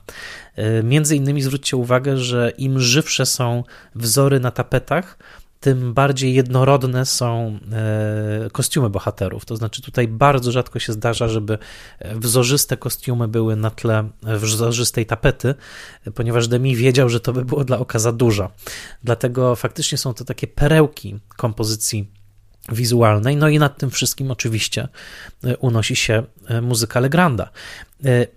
Zanim przejdę do rozmowy z Magdą Miśką Jackowską, zwrócę uwagę tylko na jeszcze jeden kontekst tego filmu, mianowicie na kontekst polityczny. Ponieważ to jest bardzo istotne, a mniej się o tym mówi przy filmie, który zazwyczaj jest chwalony przede wszystkim za tę swoją warstwę muzyczno-wizualną. Mianowicie jednak Guy jedzie do Algierii. Jedzie walczyć do Algierii i wojna algierska jest ważnym tłem tego filmu. Co więcej, kino francuskie wówczas było bardzo zaangażowane właśnie w komentowanie tej wojny. I parasolki z Cherburga można ustawić obok żołnierzyka e, Godarda, czy e, takich filmów jak Cleo od 5 do 7, a nie z Wardy, e, gdzie na końcu bohaterka spotyka młodego mężczyznę, który właśnie jedzie do Algierii, czy późniejszego Muriel, Alana René, ponieważ ten konflikt, który trwał od 54 do 62 roku i pochłonął ogromną ilość istnień, E, był bardzo gwałtowny. I tutaj oczywiście nie, nie mamy czasu na taką dygresję, ale jednak kontekst owej kolonialnej wojny i tych właśnie kolonialnych posiadłości e, francuskich, e, de Gaulle'a, który mm, od 58 roku sterował Francję w rolę jakiegoś kompromisu, ale po drodze nie obyło, nie obyło się bez tak krwawych wydarzeń, jak chociażby masakra paryska, gdzie 17 października 61 roku francuska policja spałowała E, demonstrujący e, Front Wyzwolenia Narodowego Algierii i zginęło od 50 do 200 osób wedle różnych e, wyliczeń. Zazwyczaj tak nie myślimy, tak? O, Francja, prawda? Tu croissant, tu kawa, a tutaj policja po prostu morduje około 50 ludzi w trakcie, w trakcie demonstracji. Więc to był 61 rok, to był czas, kiedy Demi kręcił Lole. Więc fakt, że Guy jedzie do, do Algierii i co więcej, wraca stamtąd straumatyzowany. Jest pokazana taka też niegotowość społeczeństwa francuskiego na przyjęcie tych weteranów. Jak jeden z komentatorów mówił na mm, dysku Criteriona, ci żołnierze wyjeżdżali z Francji Jeana Gabena, a wracali do Francji Jeana Paula Belmonda, ponieważ tak bardzo kulturowo ta Francja się zmieniała, no to dostrzegamy też, że jest to film w pewnym sensie polityczny, który nie ucieka właściwie od najtrudniejszej politycznej kwestii tamtego czasu, to znaczy właśnie od udziału młodych w tej wojnie kolonialnej. I nie będzie wcale dziwne, że w 1969, kiedy mm, Demi w Stanach zrobi sklep z modelkami, to Gary Lockwood zagra tam młodego bohatera, który z kolei próbuje migać się od y, powołania do wojny w Wietnamie, ponieważ te wojny, algierska i wietnamska, na pewne sposoby są podobne i też politycznie były podobnymi siłami rozrywającymi więzi społeczne w swoich krajach, więc Demi znowu sportretuje bohatera, który tym razem będzie bardzo starał się do Wietnamu nie pojechać, ale nie uda mu się to właśnie w sklepie z modelkami. A zatem pamiętajmy, że gdzieś pomiędzy warstwami tego bezowego ciasta z kolorowymi kremami jest także wymowa polityczna. To też jest istotne i to było komentowane w momencie premiery, ponieważ to jest naprawdę bardzo istotny i odważny gest ze strony Demiego, żeby w ten świat muzycznej komedii wprowadzić najboleśniejszy temat e, swojego czasu w sposób tak, e, tak bezpośredni. No zresztą, jeżeli ktokolwiek wątpi w to, że Demi był świadom bardzo tego, gdzie kręcił ten film i w jakim miejscu w, jakby w historii politycznej XX wieku się znajdował, to zwracam uwagę, że tak jak wspomniałem, w 1964 roku w Szerburgu właśnie, w stoczniach zaczęto pro, produkować e, te okręty podwodne z napędem atomowym. To była taka duma de Gaulle'a w tamtym czasie, a już w 1967 roku w Panienkach z Rochefort widzimy scenę, w której chłopczyk imieniem Bubu dostaje w prezencie model takiej, y, takiej właśnie łodzi podwodnej z napędem atomowym, więc Demi naprawdę wiedział, gdzie mieszka i wiedział, co się, co się dzieje i też komentował na różne sposoby takie aspekty, jak chociażby postępująca komercjalizacja życia, ponieważ jest gorzką ironią, że Guy, który wraca do Szerburga i zachodzi do sklepiku z parasolkami, odnajduje go już zamkniętym, e, bo matka Genevieve i Genevieve wyjechały, a w to miejsce mości się tam właśnie sklep z pralkami automatycznymi, a zatem sklep, który sprzedaje nowoczesność w takim wydaniu już właśnie kapitalistycznym, amerykańskim, no, innymi słowy, nie jesteśmy daleko od krytyki społecznej, jaką zawarł Jacques Tati w filmie, w filmie Mój Wujaszek. Więc Demi, pamiętajmy, jest także politycznym twórcą i twórcą, który, tutaj domknę ten wątek, jak najbardziej zasłużył na wielką nagrodę techniczną w Cannes właśnie przez orkiestrowanie tego niebywałego wyczynu, jakim były parasolki z Szerburga. E, pamiętajcie też, oglądając ten film, że aktorzy nie śpiewają swoich ról. Cała ścieżka dźwiękowa została nagrana wcześniej. E, śpiewacy profesjonalni wykonali te partie wokalne. Danielle Licari śpiewała za e, Catherine Deneuve, a aktorzy musieli perfekcyjnie wyuczyć się słów, włącznie z miejscami na oddechy i musieli także odpowiednio śpiewać na planie. Podobno brzmiało to strasznie, ponieważ przekrzykiwali się z owymi nagraniami z płyty, e, ale chodziło o to, żeby E, powiem chyba kolokwialnie, żeby grydyka chodziła, ponieważ jeżeli ktoś śpiewa i grydyka się nie rusza, to jest to bardzo sztuczny widok. A jak tutaj się przyjrzycie, to ich aparaty głosowe i szyje pracują w trakcie tego śpiewania, więc to też był taki szczegół, o który Demi zadbał, więc mimo, że nie słyszymy w tym filmie e, prawdziwych głosów aktorów, to e, jak najbardziej oni tam swoją pracę wokalną wykonywali po to, żeby e, wyglądało to, wyglądało to wiarygodnie. I teraz chyba już jest ten moment, aby porozmawiać o muzyce, ponieważ jest ona, jak już jakoś rzekło, kluczowa. I bez tych motywów Legranda no nie byłoby tego filmu i dlatego też Demi pojawia się w czołówce filmu e, Parasolki z Sherburga na równi z Legroundem, ponieważ ta współpraca, która zaowocowała wieloma filmami, e, była naprawdę, naprawdę kluczowa. A zatem oddajmy głos specjalistce w tym temacie, Magdalena Miśka-Jackowska. I jest już ze mną Magda Miśka-Jackowska. Witaj Magdo. Dzień dobry. Bardzo się cieszę, że przyjęłaś zaproszenie do mojego podcastu. Bardzo e, dziękuję za zaproszenie, bo, bo to mam... wielka frajda być w podcaście, którego się słucha. To nie każdy ma taki przywilej. Bardzo ci dziękuję. No też odwiedzamy nawzajem, można powiedzieć, swoje podcasty. Już wcześniej mówiłem moim słuchaczom e, Score and the City. To twój podcast, w którym e, przybliżasz nam kulisy muzyki filmowej, szeroko pojętej. No i tak przygotowując odcinek o parasolkach Sherburga, w pewnym momencie pomyślałem, że ten odcinek y, no, trochę się nie może odbyć bez ciebie.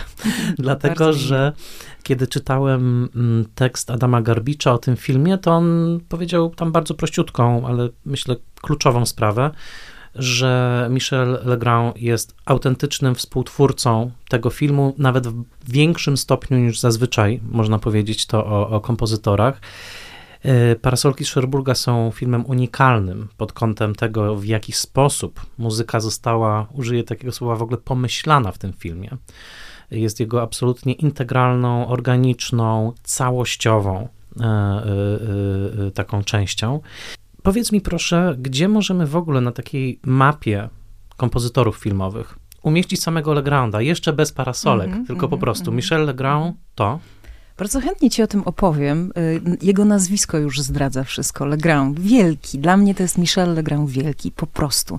Przypomnę, rocznik 32, ten sam co John Williams, ten sam co Wojciech Killer, Lalo Schifrin i wielu, wielu innych wspaniałych. Odszedł od nas w 2019 roku. Mm, kompozytor, pianista, ale także, nie zapominajmy, i to jest mm, jakby bardzo ważny wątek jego sukcesu. Genialny aranżer, pewnie jeden z największych, najważniejszych, mm, jakich muzyka popularna w, w, w, tych ostatnich latach miała. Dyrygent. Ceniony, kochany autor mm, piosenek y, filmowych i, i nie tylko. Laureat y, trzech Oscarów. Mm, on wyszedł z bardzo takiego, powiedziałabym, klasycznego y, myślenia o muzyce. Skończył paryskie konserwatorium, uczył się później u Nadie Boulanger, to jest taka wybitna francuska pedagogzka, która wykształciła i Filipa Glasa i, i Wojciecha Kilara także. Mm, I e, później wskoczył do tej muzyki popularnej, do muzyki jazzowej, ale to, to trochę przypomina amerykański sen. Mm, Michel Legrand nagrał taki album e, z piosenkami paryskimi i I Love Paris chyba tak się nazywał, nazywała ta, ta płyta. I ta płyta sprzedała się w Stanach Zjednoczonych, które zawsze, uwaga, bardziej chyba kochały Legranda niż, niż, niż Europa. Sprzedała się w jakimś nieprawdopodobnym nakładzie. I tam był y, jakiś problem z, z finansowaniem, w sensie z tym, co miała wytwórnia y, zapłacić Legrandowi. Powiedzieli mu, co by pan chciał w zamian, żebyśmy byli na czysto? I on powiedział, chciałbym nagrać taki album jazzowy z największymi, z Coltrane'em, z Milesem Davisem. I ten album powstał. I to jest rok 1958, nazywa się Legrand Jazz. I ten album po prostu no, jeszcze winduje mocniej Legranda, właśnie jako nie tylko już człowieka muzyki popularnej, aranżera, nie tylko jako kompozytora, który wyrasta z tych klasycznych źródeł, ale także jako ważnego człowieka w światowym jazzie. No i mamy, mamy wiesz, mamy ponad 200 filmów przeróżnych, małych, dużych. Mamy współpracę z Orsonem Wellesem, z Clintem Eastwoodem, z Anies Wardą, z Jacques'em Demim, o, o czym powiemy teraz, mm, z Godardem, Mamy Bonda, mamy filmy animowane, Było sobie życie, mamy e, tak naprawdę no, chyba wszystkie możliwe filmowe odsłony, ale ten film muzyczny wskazałabym jako ten najważniejszy w jego, w jego dorobku, bo tu chyba mógł pogodzić i klasykę, i jazz, i jeszcze intuicję filmową, mm, i swój niepowtarzalny, absolutnie wyjątkowy, wyjątkowy styl. Mm, piosenki Legranda śpiewają wszyscy cały czas, do dzisiaj. I to ciekawe, że robią to zarówno popowi wokaliści, jak i śpiewaczki operowe. E, nie ma wielu takich kompozytorów. E, wiesz, każdy z tych gigantów, e, Williams, Morricone, ma swój styl, ale Legrand też bardzo, bardzo mocny, chociaż nie myślimy o nim tak często pewnie jako Morricone i o Williamsie. Mhm. A powiedz mi jeszcze, zanim przejdziemy do samych parasolek, czy masz jakieś takie swoje e, ukochane ilustracje tego, e, tego kompozytora? No mam, to już ci zdradziłam tutaj, że, że jest taki film, który uważam... Ja w ogóle bardzo długo tego filmu nie widziałam. Miałam nawet taki odcinek w podcaście Muzyka z filmów, których nie widziałam. To wybrali słuchacze i, i y, tam myślałam, że może, może włożę, ale w końcu zobaczyłam. I to są panienki z Rochefort. A, czyli to jest... niejako kontynuacja parasolek. Tak, tak, mhm. tak. Tak, tak samo z Catherine Deneuve i z jej siostrą, tragicznie zmarłą zresztą w wypadku samochodowym w tym samym roku, mm, co była premiera tego filmu. I to jest y, y, to jest taki film do słuchania, to znaczy ścieżka z tego filmu idzie chronologicznie, dokładnie od początku, co się wydarza w filmie, aż do końca. I ja przez pierwsze nie przesadzam, 200 razy chyba po prostu tego filmu słuchałam, hmm. słuchałam, słuchałam, a potem zobaczyłam. Mm, I no, da się tę muzykę grać wciąż i wciąż. Ona weszła też do standardów muzyki jazzowej. Mm, jest tu tutaj piękno melodii, ale jest też bardzo mm, wysoki stopień wyrafinowania tej melodii. E, ta muzyka nie jest mdła. No, a opowiada historię stare, stare, stare jak świat, wiesz, o, mhm. miłości, o, o uczuciach, o poszukiwaniu e, tej naszej miłości największej życiowej. I dla mnie Legrand, szczególnie w tym filmie, jest takim bajkopisarzem, który te mm. bajki rzeka Demiego opowiada, ale filtruje je przez y, swoją własną muzyczną wrażliwość i no wiesz, jakbyś dzisiaj miał powiedzieć bajkę o Kopciuszku, to ty to zrobisz inaczej, ja to zrobię mm -hmm. inaczej. I Michel Legrand też takie bajki opowiadał po, właśnie po swojemu. E, w Panienkach z Rochefort właśnie ta mm, jazzowa nuta też jest bardzo ważna, tym bardziej, że same postaci także grają, tam trąbka jest dosyć, e, dosyć istotna. Trąbka e, albo saksofon, bo saksofon z kolei w tych koncertowych wariacjach wie, wie, wiedzie prym. Zresztą no wszystko, tam jest nawet taki fragment w tej części baletowej, w którym Legrand każe śpiewać swoim śpiewakom, swoim wokalistom, wokalistce przede wszystkim, po nutach do, re, mi, fa, sol, dokładnie trafia, ona musi trafić w te dźwięki, które wyśpiewuje sylabą. A. To jest, nie słyszałam i nie widziałam czegoś takiego nigdy wcześniej. Ale jak to opisujesz nawet i też jak sobie przypominam atmosferę tego filmu, która notabene po latach bardzo uwiedzie Damiena Chazela, bo on nie będzie ukrywał, że La La Land jest hołdem przede wszystkim dla tego filmu. Wystarczy zobaczyć scenę otwarcia panienek i I wystarczy i wsłuchać się też, prawda? Tak. Dokładnie. Ale bardzo ważnej rzeczy dotknęłaś, mianowicie mm, pewnego takiego mm, aspektu zabawy, to znaczy tego, że czujemy na jakimś poziomie, i ja zawsze, kiedy mówiłem ci zresztą w twoim podcaście o tym, że kiedy mówię o muzyce, to zawsze jakoś szukam tych słów, nie potrafię ich e, dobrze chwycić, ale mamy wrażenie, że Michel Legrand też trochę bawi się tą muzyką, że jednak no, w większym na pewno stopniu niż mam to wrażenie, kiedy słucham muzyki Johna Williamsa, która często od razu mnie oszałamia, prawda? No nie, to Williams też Czy, się bawi, mm ale po swojemu, bo to, to, -hmm. to, to są dwaj zupełnie inni mm. ludzie. I oni mają też inny stosunek do tej swojej pracy. Legrand y, zaprzyjaźnił się, jak sam wspominał, z fortepianem. Fortepian był jego największym przyjacielem od dzieciństwa. Hmm. Y, rodzina też trochę muzy muzyczna, taka kładąca nacisk na to, i on najbliżej był zawsze z instrumentem, nie z hmm. kolegami, więc mhm ta frajda wychodzi też, też z tego, frajda i wielka wiedza muzyczna, wielka inteligencja muzyczna i warsztat, bo jeśli poznasz instrument od podszewki, jesteś z nim od najmłodszych lat, to potem potrafisz wyczarować przy odrobinie talentu mhm. E, jeszcze w wspaniałe, wspaniałe rzeczy. Mm, czyli, wydaje mi się, że to też jakby filmy mm, Demiego narzucają ten element e, zabawy mhm. czy, czy, czy, czy frajdy, bo to są bajki. To, to są, są bajki. bajki. To są bajki. Y, myślę też, że strona wizualna i zwłaszcza kolor w tych filmach bardzo, bardzo dobrze współgrają z mm, samą muzyką. Zupełnie inny w parasolkach, a zupełnie inny w, w panienkach. Y, tak, tak, tak, bo parasolki to jest takie bardziej pastelowe puzderko, powiedziałbym. Panienki otwierają się na pejzaż w sposób, y, także pejzaż morski, miejski, w sposób, którego w parasolkach nie ma. Parasolki są takie bardziej, nie wiem dlaczego to słowo teraz przyszło do głowy, nie wypowiedziałem je od wielu lat, frymuśne. Nie wiem, czy dokładnie. Znaczy? Takie właśnie w mm, jakby dobre, to gemytliś, tak? Chyba to jest to słowo. Takie właśnie dopieszczone, prawda? Takie, taki domek dla lalek mhm. troszeczkę, filmowy domek dla lalek. Ale powiedz mi mm, taką rzecz, bo... Mm, w ogóle wiesz, że Legrand dla Wajdy też komponował muzykę? Nie, tego nie wiem. Ha, o, no proszę właśnie. bardzo, poczekaj, w którym to filmie? Miłość w Niemczech, 1983 o, proszę bardzo, z Hanną Szygulą, to pamiętam I ja film. sobie, mhm. słuchaj, niedawno posłuchałam tej muzyki, bo ona jest y, mhm. do, do, dostępna, można legalnie jej posłuchać i zaczarowała mnie kompletnie. Hmm. Y, bardzo to jest takie mi miłosne, przejmująco smutne, wiadomo, mhm. Ale jest dużo uroku w tej, w tej muzyce. Mm, ona jest bardzo świeża, jak na dzisiejsze też y, mhm. czasy, więc jeśli chcecie coś sobie y, takiego zupełnie nietypowego, to Wajda Legrand, boom.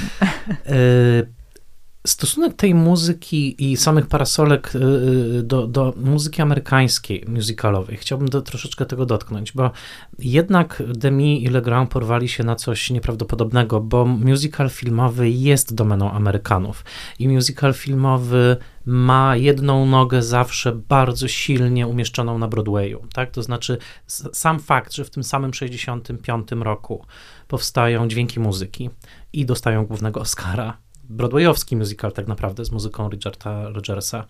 Tuż wcześniej powstało West Side Story znowu. Mhm, to są wszystko lata 60. To są wszystko no. lata 60. i to są, a z kolei na scenie broadwayowskiej to są lata 50., bo tak mhm. tak mniej więcej to szło, prawda? Coś w jednej dekadzie wchodziło na Broadway, no to znaczyło, że już za chwilę będzie na, e, na ekranie. E, Sam Demi e, odda hołd owej Ameryce, zatrudniając w panienkach e, Gina Kelly'ego, George'a Chakirisa, który przecież tańczył i śpiewał właśnie e, w West Side Story, więc ich świadomość tego, że wchodzą na pewien teren mocno osadzony właśnie w tej broadwayowskiej przede wszystkim muzyce e, musicalowej, musiała być bardzo duża. W jaki sposób twoją, twoją intuicją, w jaki sposób się od tego odróżnili? To znaczy, jakby po jaką tradycję sięgnęli, jaki powiedzmy rejestr emocjonalny, muzyczny rozbudzili w nas, no że nigdy nie pomylimy parasolek Sherburga, mhm. kiedy ich słuchamy, nie, nie pomyślimy nigdy, że to mógłby być film amerykański. Kiedy ich słuchamy albo kiedy, kiedy oglądamy, myślę, że to się łączy. Wiesz co, jest coś takiego w narracji, także w narracji muzycznej, co jest bardzo europejskie. Mm.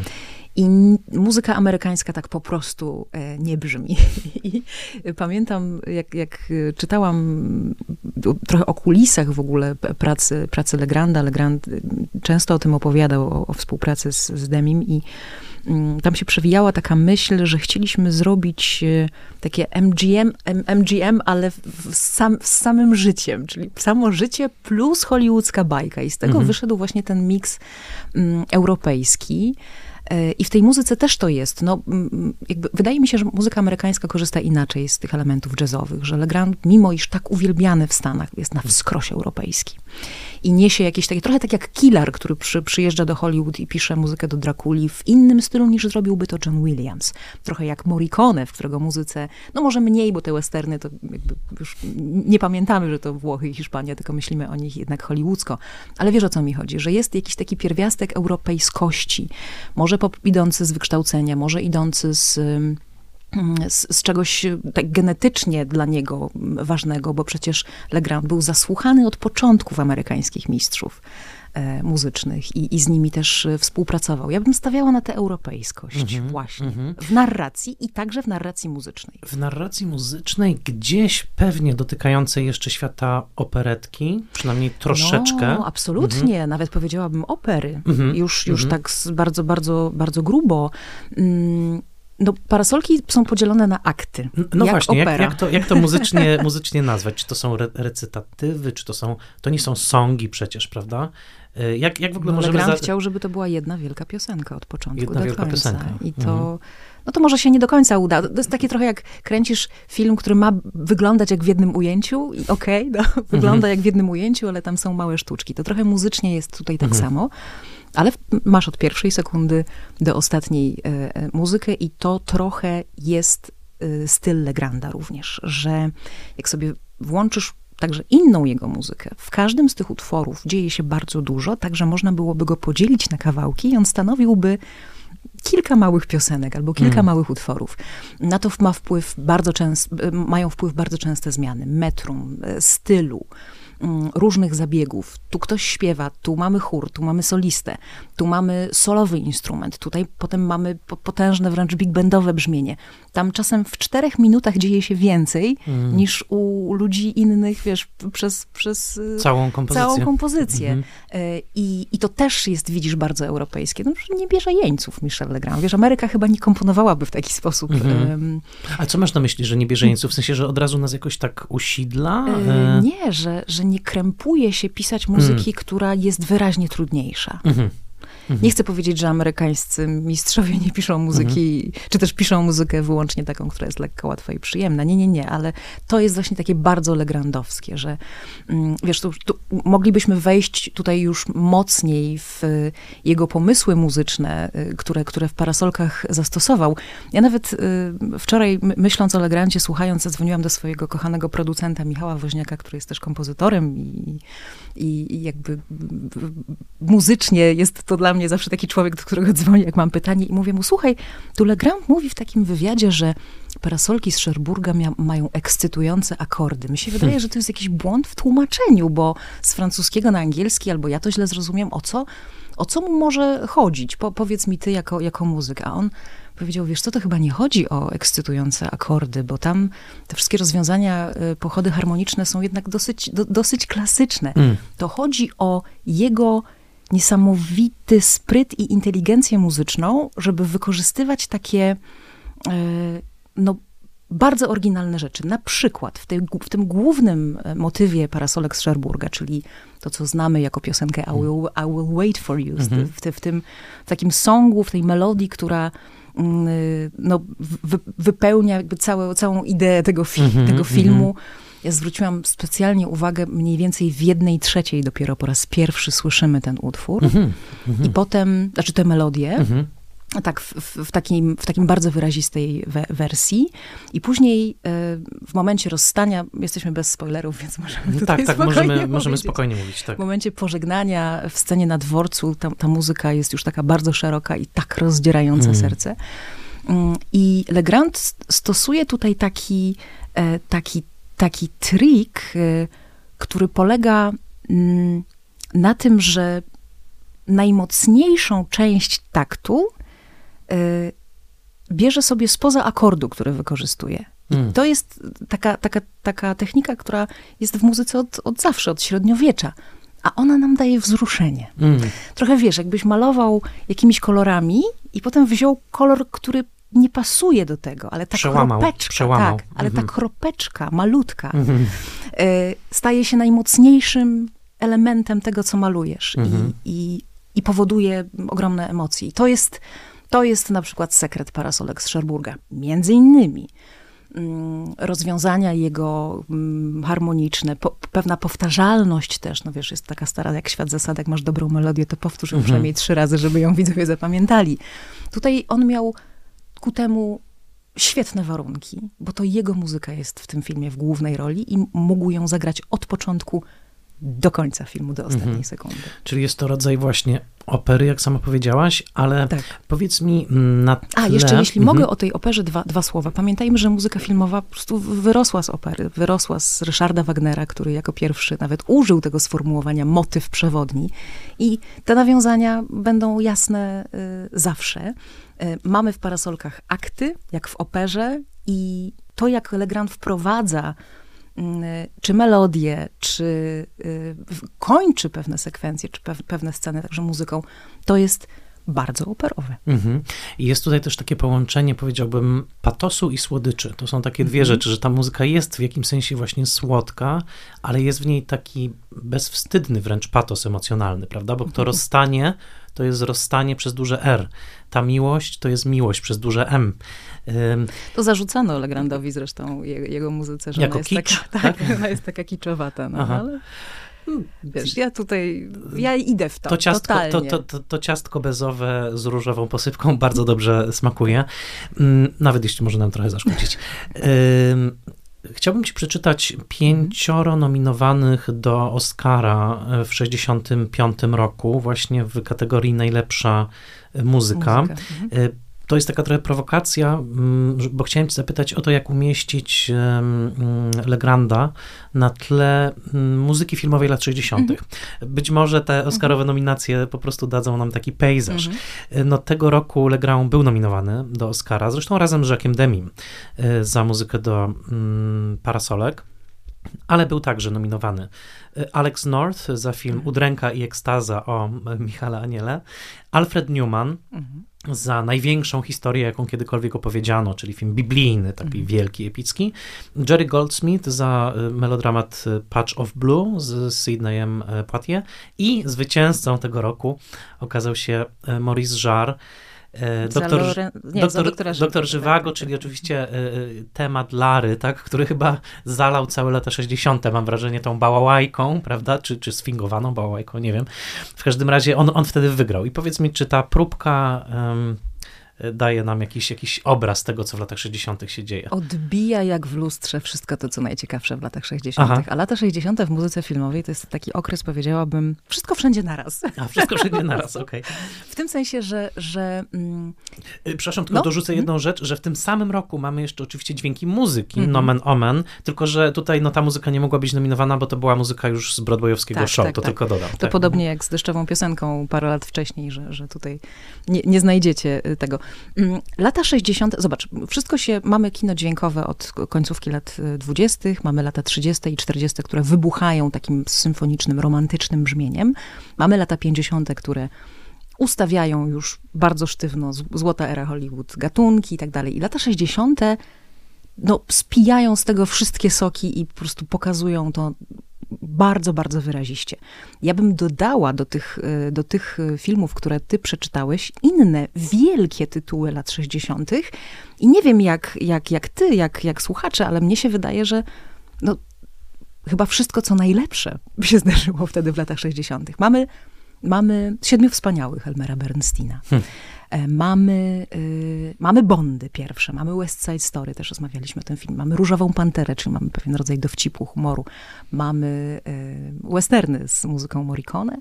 Mm, Mamy, smyczki, psychozy. Mamy psychozę Bernarda Hermana, mamy Romeo i Julię z Zeffirellego z muzyką mm, Nino Roty, e, wielką. Mamy e, w końcu także jeszcze jeden utwór mi tutaj, no małe śniadanie u Tiffany'ego. Mhm. Jakaś taka nie, niewiarygodna mi- mieszanina, natomiast z wyraźnym już jednak odejściem od muzyki gigantycznej Mm. w stronę muzyki bardziej ukierunkowanej, ciekawszej, pisanej na mniejsze składy. Nie mówię oczywiście o tych epickich historiach, które, które cały czas tutaj są i cały czas chyba w kinie będą. To nie jest tak, że kino... Nawet dziś. Nawet dzisiaj, że kino Mhm. od tego odeszło, ale lata 60., lata 70. to jest czas, kiedy Hollywood skręca trochę. Mm, I w, i w Europie trochę się to na, na innych zasadach dzieje, ale przede wszystkim Hollywood skręca troszkę w stronę muzyki mniejszej. Dlatego tak ogromną popularnością e, się cieszy właśnie, nie wiem, Różowa Pantera, Mhm. czy, y, czy, czy, czy inne tego typu, tego typu filmy. Mm, ja bym powiedziała właśnie, że czerpiemy wciąż z tych lat 60. Mhm. Tam, tam muzyka się uleżała w gatunkach. Mhm. Tam, y, stamtąd pochodzą najpiękniejsze wzorce. Jak ktoś myśli o filmowym musicalu, to myśli o West Side Story. Jak ktoś myśli o komedii romantycznej, to sam przecież mówiłeś o tym, że pierwowzorem komedii romantycznej jest śniadanie u Tiffany'ego. Tam, tam są te źródła. Mhm. Dlatego te lata osie- 60. wydają mi się takie istotne. To się chyba troszeczkę tam potem jeszcze e, m, zmieni w latach 70. I, i pod koniec lat 70. już masz Johna Williamsa. Mhm. Już masz zupełnie inną, inną historię Mhm. odwrót. A um, Legrand później, Mhm. e, myślę, o, bo, bo, bo chciałbym też za, za, Mhm. zahaczyć o fakt, że nie tylko zajmujesz się profesjonalnie muzyką filmową, ale przede wszystkim, czego ci ogromnie zazdroszczę, od razu powiem. E, Jesteś, prowadzisz e, ko- koncerty muzyki Mhm. filmowej. E, Zazdroszczę ci przede wszystkim faktu, że widzisz, jak muzyka filmowa grana na żywo działa na publiczność. Po prostu. Masz, masz Tak. to, że tak powiem, face to face. E, W ogóle chciałem cię o to zapytać, o to Mhm. doświadczenie, ale czy miałeś takie doświadczenie właśnie z muzyką Legranda, prezentowania jej żywej publiczności i jak to wtedy jest? Słuchaj, miałam to doświadczenie, ale powiem ci więcej, ja za dwa tygodnie mam to doświadczenie O, znowu. proszę bardzo. Co więcej, to będzie Aha. koncert, który będzie właśnie mieć w programie Panienki z Rochefort, więc ja już jestem tak podekscytowana. E, Pracujemy w ogóle jeszcze nad jednym takim programem dotyczącym tej, tej muzyki, więc moja ekscytacja naprawdę tu jest Mhm. ogromna. Nie każdą muzykę filmową może każdą się da, ale nie każdą powinno się grać na koncertach. Mm. A jakiej nie powinno na przykład powiedz? Yy, a mogę powiedzieć, że Oczywiście. powinno się grać La Granda? tak, tak, tak, tak.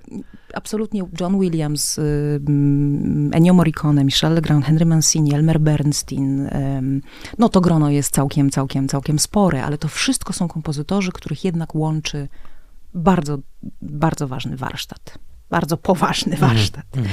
Mm. I ta muzyka po prostu musi mieć jakość. Dzisiaj muzykę tworzy się trochę inaczej. Przynajmniej część kompozytorów pracuje trochę na wrażeniu, na pewnym mm, na pewnej takiej aurze y, zbudowania atmosfery. O, zobaczmy, ten akord fajnie tutaj pasuje do tej sceny, to go zostawmy.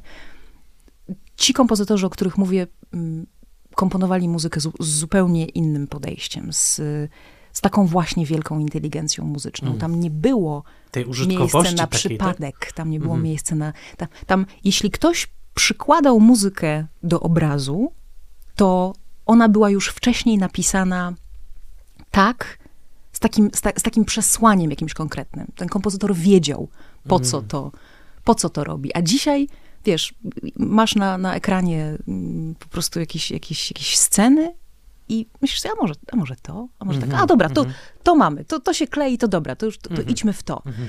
Tę muzykę potem rozwija komputer albo rozwija ktoś inny niż ten, kto, kto to wymyślił. Ja, ja nie chcę tutaj wsk jakby wskazywać palcem, mówić, że to jest złe, bo to też działa. Muzyka filmowa ma być przede wszystkim skuteczna. Mhm. Muzyka filmowa na koncertach to jest jakiś następny e, level, nas, nas, następny, następny stopień i naprawdę nie wszystkiego musimy słuchać na koncertach. Mhm. Muzyka Legranda nadaje się do koncertów... Y no po prostu idealnie, bo ona ma wdzięk, ona ma melodię, ona jest pamiętana. Poza e, Jacques'em Demim musimy jeszcze chociażby wymienić e, mm, e, Windmills of Your Mind z afery Tomasza Krauta. Oscarowe. Oscarowe, tak, mhm. tak, tak. Jentl też. Jentl, chociaż, jego, tak. jego cudowną współpracę z Alanem i Marilyn Bergmanami, czyli mhm. z takim bardzo znanym małżeństwem właśnie twórców, twórców piosenek. Mm, to, czyli, czyli pamięć, y, melodia, niezwykła jakość i jeszcze to, że tę muzykę da się zagrać na wiele różnych sposobów. Nie, nie dalej jak dwa dni temu mieliśmy rozmowę właśnie o panienkach z Rocheforu, mhm. czy, czy o parasolkach że mamy mały skład, więc co zrobić? Tutaj ja puściłam muzykę y, z, taką przykładową w internecie, ona tam zabrzmiała 16 puzonami i, y, i, i zgodziliśmy się, że, że jakby wybitne jest to, że możesz ten utwór zagrać na wielki skład mhm. i solo na fortepianie. I to mhm. dalej będzie piękne. Ale czy dobrze wyczuwam, że w tym, co mówisz, jest taki trochę przekaz, że ci kompozytorzy właśnie, że oni też mieli większą głębię emocji, którą, którą wpisywali w tę muzykę? Że to teraz jest bardziej takie matematyczno-techniczne? Nie, ja nie, nie? chcę nikomu zarzucić dzisiaj, że, że nie ma emocji. Mhm. Mm. Może czasy się zmieniły, może, może nie mamy już po prostu tak y, znakomicie wykształconych ludzi, mhm. bo to też y, jakby znowu nie odbieram. Jeśli ktoś mhm. kończy mhm. uczelnię muzyczną, to na pewno ma fach w ręku i, i może być w tym doskonały, ale Legrand żył w czasach, w których w jego młodości on właściwie mógł, na, mógł napisać, mógł być każdym, mógł napisać wszystko. Mógł napisać symfonię, mógł e, komponować dla Milesa Davisa, mógł aranżować dla Coltrane'a, e, mógł pracować się z, z, z Edith Piaf, wiesz, wszy, wszystko, po prostu wszystkie mo możliwości. I to się kumuluje w jego muzyce filmowej. Mm, I wypływa z niej. I wypływa. Mm -hmm. Plus czyli te wszystkie także jego doświadczenia. On nawet gdzieś powiedział chyba w jednym z wywiadów, że mm, muzyka filmowa dała mu możliwość połączenia wszystkich rzeczy, którymi się interesował. I klasyką, i jazzem, i, e, i muzyką rozrywkową, popularną, i piosenką. I to wszystko się skumulowało w muzyce filmowej. To jest zresztą piękne dla, dla, tej, dla tej dziedziny. Do tego dodałabym oczywiście niesłychaną inwencję melodyczną, którą też nie każdy ma. Wiesz, Legrand dla Jacques'a Demiego potrafił napisać kilkanaście motywów. Hmm. Albo nawet y, więcej. Co więcej, po latach my je potrafimy zanucić. Tak, ale Często. to jest niesamowite, że, że i, i, każdy z nich jest y, jest strzałem w dziesiątkę. Tam nie ma muzyki, że ta jest lepsza trochę, a ta jest gorsza. Nie, tam Mm. każda jest jak złoto. Jak sobie y, otworzysz pa- pa- parasolki i spróbujesz posłuchać e, samej muzyki tylko tak czy, czysto, no to właściwie dzisiejszy dobry aranżer zrobiłby z tego dużo do, dobrych piosenek na listy przeboju. Mhm, mhm. Y, Skoro cię już tu mam, Mhm. to mam do ciebie pytanie, które jest pośrednio tylko związane z Legrandem, ale bardzo związane z muzyką filmową dzisiaj. Mianowicie nie mieliśmy okazji rozmawiać o filmie Tar, Mhm. a ym, jest tam scena no, bardzo dla mnie taka mm, charakterystyczna. Nie chodzi mi teraz o kwestię przemocy i tak dalej. A czy ty wiesz, co ja myślę o tym filmie? Właśnie nie wiem, właśnie nie wiem, ale chcę tylko powiedzieć jedną, jedną tylko rzecz, że mm, jest y, finał filmu Tar polega na tym, że bohaterka no, spada z, ze, swojej, ze swojego parnasu, tak, i ląduje w swoim przekonaniu nisko, y, dyrygując właśnie orkiestrą, która gra muzykę nie filmową, tylko muzykę z gry komputerowej, tak, na takim... Na żywo, w pokazie żywo, symultanicznym. w takim pokazie symultanicznym. I Karol Szafraniec w naprawdę świetnym podcaście o tym filmie m, powiedział, że kara polega na tym, kara, tar, że na początku filmu ona mówi, że jako dyrygentka zarządza czasem i jest to od niej zależy, jaki Mhm. będzie czas wykonania utworu, to, to jest jej domena. A na tym koncercie ona tego nie może robić, ponieważ ma słuchawki, które jej podpowiadają, jak, czego oczekują Mhm, ci mhm, fani, i mhm. to musi być dokładnie e, tak. No i dlatego to jest tak straszne dla niej doświadczenie, bo ona utraciła swoją swoją wolność. E, Jak ty patrzysz na tę postać w tych ostatnich, e, czy to jest naprawdę tak okropne doświadczenie dla dyrygenta, żeby podawać muzykę w ten sposób? E, Wiem, że teraz odchodzę No, no, bardzo, no, ale e, tak, tak, wiesz, z tak. ciekawości, skoro już tutaj usiedliśmy. Wiesz co, to jest oczywiście bardzo zgrabne mm, zawiązanie historii. E, Zresztą ten monolog, e, czy wywiad z, z pierwszych scen e, filmu Tar mi się chyba najbardziej w ogóle z tego filmu Mm. podobał. Mm, I, i, i, ci- i ciekawy, jest, ciekawy jest powrót do tego czasu na, na końcu, ale nie muszę chyba ukrywać, że mnie ta scena zabolała, bo, bo to jest. Po, znaczy, w, te, w tej scenie ja dostaję komunikat, jeszcze jako osoba zajmująca się muzyką Mhm. filmową, że, że to, co nie jest y, e, w Filharmonii Berlińskiej malerem, No właśnie, bo no też właśnie. się Williams zdarza w Filharmonii Berlińskiej Tak. przecież, ale jak coś nie jest malerem, to, to już jest nic nie warte. e, I Ale jest my, my już, wszyscy dostajemy ten Tak, przekaz, tak, prawda? Bo jest- my jesteśmy tymi siedzącymi Dokładnie. na Jest muzyka widowni, filmowa, prawda? która jest nic nie warta, a w ogóle jeszcze niżej jest muzyka z gry komputerowej. Tylko jest jeden szkopuł. Kto nigdy nie y, dyrygował pokazem symultanicznym, ten nie ma bladego pojęcia, jakie to jest trudne. Tym się zajmują najlepsi dyrygenci, znaczy dobrze są w stanie to zrobić najlepsi dyrygenci, bo masz kopię filmu z dźwiękiem, mm, z dialogami, bez muzyki. I musisz sterować tym statkiem, którym jest zazwyczaj wielka orkiestra. Już nie pamiętam, jaki tam skład był w, w, w tej scenie ostatniej, ale zazwyczaj to jest, wiesz, nawet 200 osób. Chór, wokaliści, soliści, wszystko. Tak, tak trzeba być precyzyjnym, że nie można się spóźnić ani o sekundę. Aha, może Czym to, czym, to, ułamek. czym to jest, jak nie zarządzaniem czasem? No właśnie. no Oczywiście właśnie. zostało to pokazane w filmie bardzo tak e, podstawowo i żebyśmy odnieśli takie wrażenie właśnie, jakie, jakie, jakie Mhm. powiedziałeś, że, że jej została odebrana władza.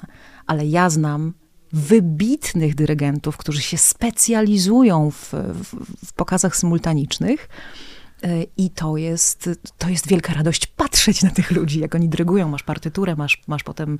Zresztą to, to wszystko mm, są rzeczy, które wymyślili gdzieś w, w, w pierwszych takich krokach właśnie i Alfred Newman Mhm. i, i, Max Steiner, lu, lu- ludzie, o których mówimy, ojcowie muzyki filmowej.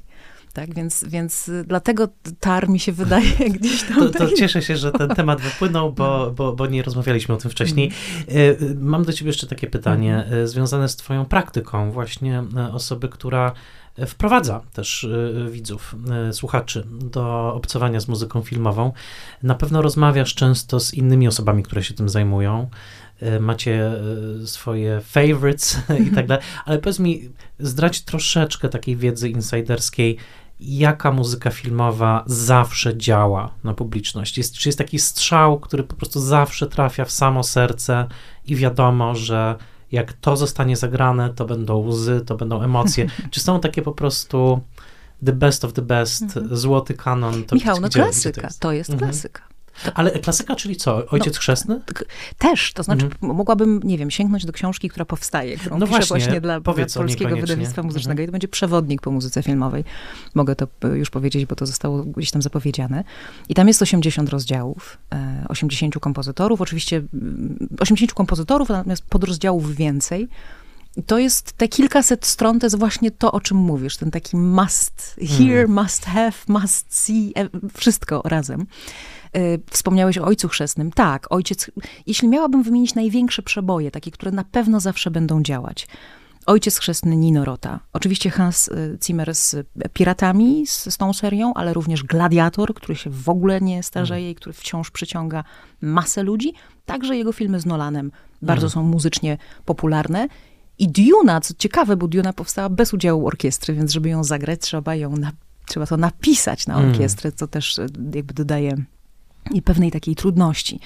E, John Williams, Gwiezdne Wojny, wiadomo, Indiana Jones, E.T., lista Schindlera, właściwie wszystko. Mhm. wszystko, wszystko co, co tutaj e, jest. Mm, wiesz co, nawet mogę ci otworzyć. Aha. A czy książka ma już tytuł? Powiedz, kiedy się nie, jej możemy książka spodziewać. Przewodnikiem o mhm. muzyce filmowej, po, po, muzyce filmowej. Ja nie chcę jeszcze tutaj... Mhm nie, nie, boję się telefonów po, więc dobrze, zosta dobrze. zostawmy czekamy, to, czekamy, czekamy cierpliwie. W międzyczasie oczywiście zachęcamy do lektury twojej monografii Wojciecha tak, Kilara, tak, tak. także w Polskim Wydawnictwie Muzycznym. Tak jest, tak jest. Mhm. E, Krzysztof Komeda wciąż jest niezwykle hmm. E, silnym. I też lata 60. Też lata 60. jak najbardziej, wszystko. Mm, Angelo Badalamenti, Lalo Schifrin, czyli e, Mission Impossible. Mm, no, jeśli chodzi o Siedmiu Wspaniałych Elmera Bernsteina, no to jak najbardziej, jak najbardziej tak. Mm, nie, nie muszę dodawać, że cała ta część dziecięca, disneyowska, czyli, czyli y, filmy i starsze i nowsze, bo Królewna mm. Śnieżka i Siedmiu Krasnoludków, Pinokio. Kraina Lodu. Mm, ale też Kraina Lodu mm -hmm. właśnie w tej nowej odsłonie. Zresztą y, za, zauważmy jedną um, ciekawą rzecz, że właśnie z filmu pochodzi no, znacząca część tak zwanych standardów jazzowych, czy standardów muzyki popularnej. Tych piosenek, które potem słyszymy w radiu, albo nie wiem, w centrum handlowym, hmm. także świątecznych, ale nie tylko.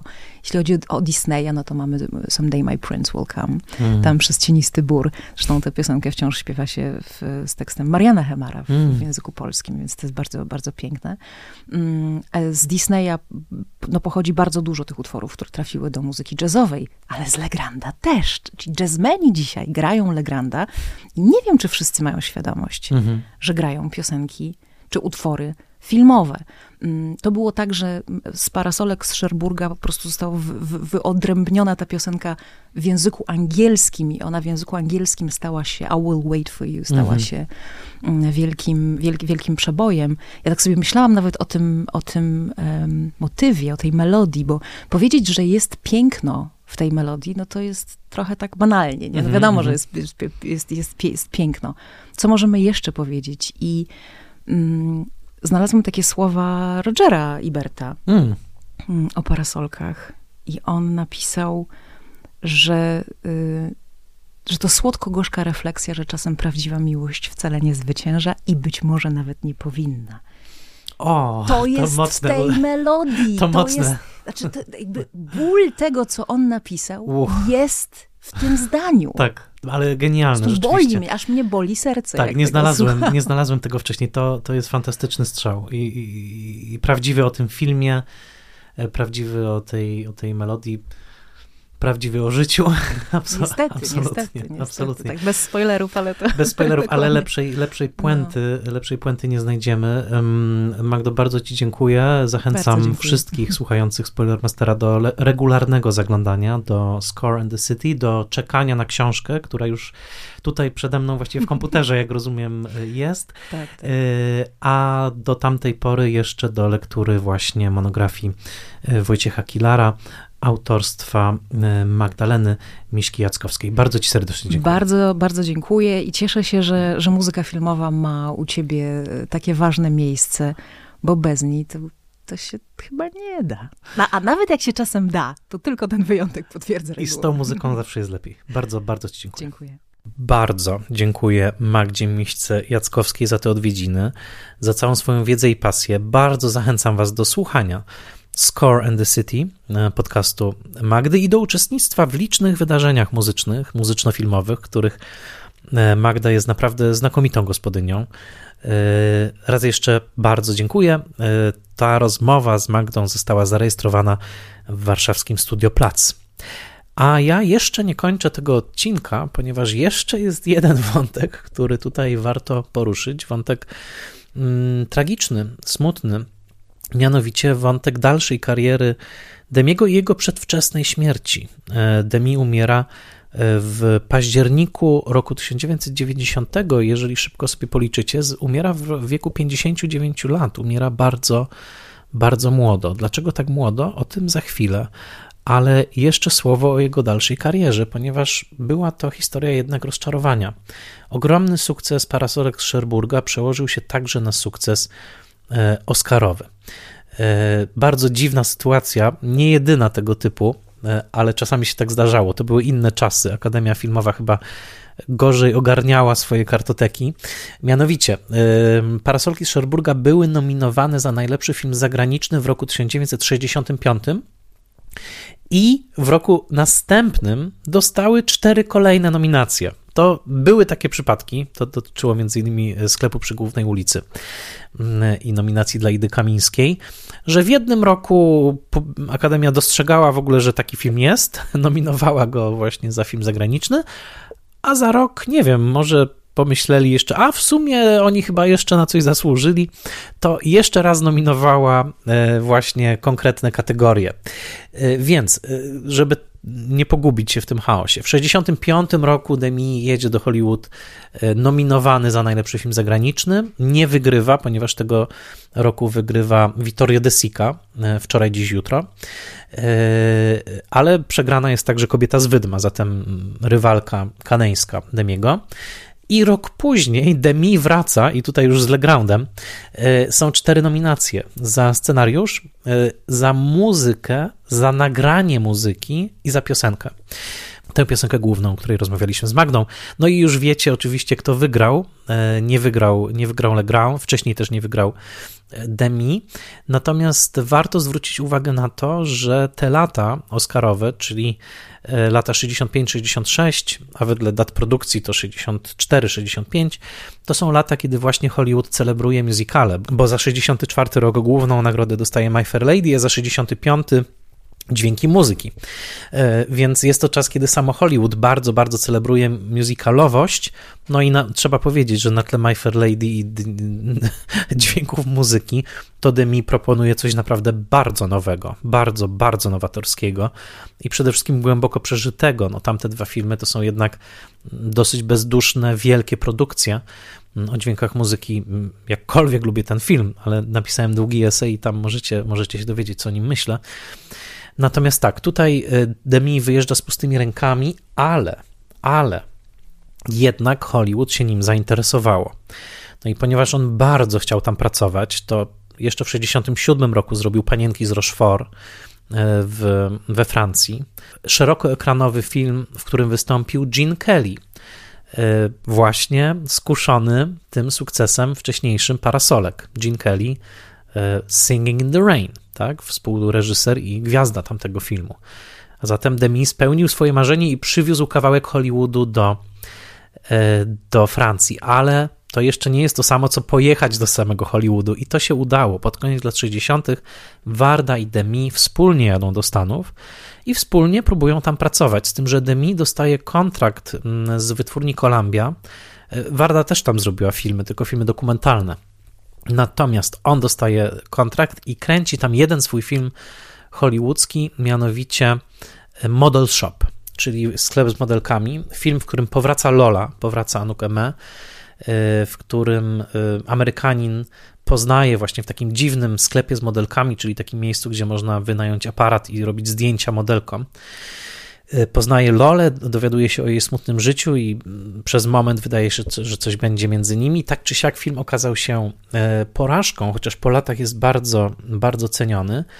I później przez całe lata 70. Demi e, kluczy, błądzi.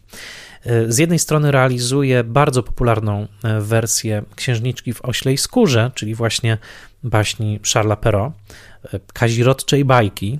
Zerknijcie do streszczenia, jest to dosyć przerażający tekst. Później Zaczarowany flet, E, komedia o Marcello Mastroianim w ciąży, też z Catherine Deneuve, e, czyli największe wydarzenie od czasu, gdy człowiek stanął na Księżycu, to jest rok 73, a w 79 te dziwne losy go popchnęły nawet do adaptacji mangi Róża Wersalu, Ryoko Ikedy, wydanej także w Polsce.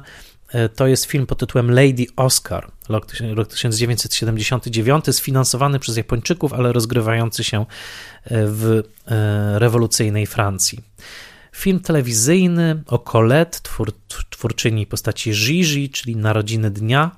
Pokój w mieście, 82 rok, to polityczny musical o strajkach robotniczych w Nantes, taka można powiedzieć poważna opera. E, bardzo duży, duża klęska kasowa, sukces artystyczny. Parking, rok 85, czyli uwspółcześnienie mitu o Orfeuszu i trzy miejsca na 26. To rok 1988, ostatni film Demiego. Tych dwóch filmów ostatnich nigdy nie widziałem, bardzo chciałbym je zobaczyć. E, ten ostatni jest z Iwem Montandem. I rok 90, śmierć Demiego. I tutaj ciekawa sprawa, e, smutna, tragiczna. E, Demi ma 59 lat, kiedy umiera, a nie Zwarda, która bardzo o niego dbała. Bardzo dbała też później o jego dziedzictwo. Nakręciła filmy dokumentalne o nim, aż dwa. Nakręciła film fabularny o jego dzieciństwie, Kuba Znaunt, w którym jeszcze Demi zdążył uczestniczyć. Bardzo schorowany na plaży, są takie sceny, kiedy on siedzi, patrzy w dal. No, Agnes Warda okazała się partnerką absolutnie idealną i na dodatek jeszcze partnerką artystyczną, nie tylko życiową. Yy, I w filmach Wardy konsekwentnie wtedy pojawia się informacja, że Demi umiera na raka.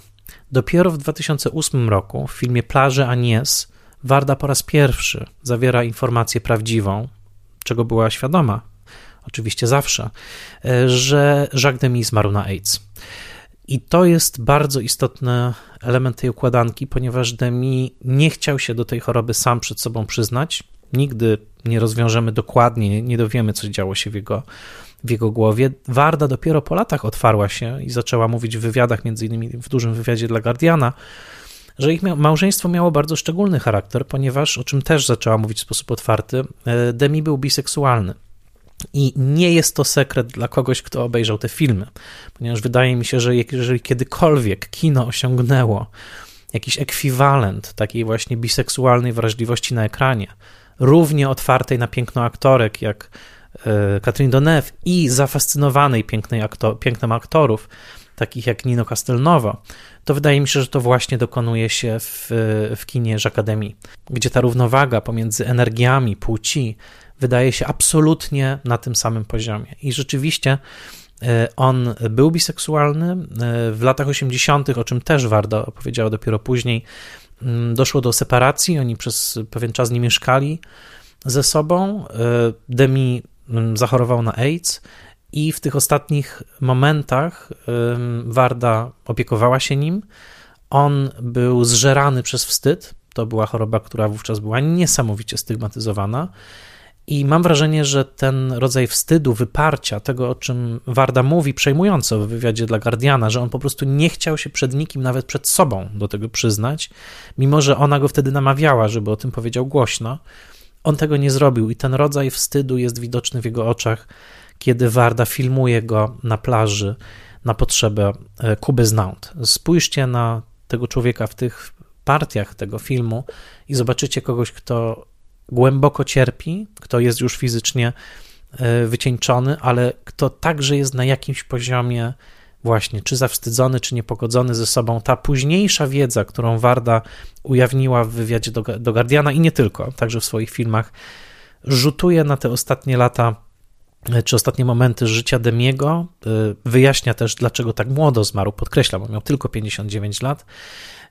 I też pozwala spojrzeć na całą tę twórczość trochę inaczej, ponieważ jeżeli sobie mocno uświadomimy z kolei ten charakter właśnie biseksualny, tego, że w swoim życiu y, Jacques Demy wchodził w relacje i z kobietami, i z mężczyznami, to widzimy, uważam to też w samych filmach. Kiedy ma się już tą świadomość mm, pewnego wypartego elementu biseksualnego u Demiego, może nie tyle wypartego w życiu prywatnym, co właśnie w twórczości i w życiu publicznym.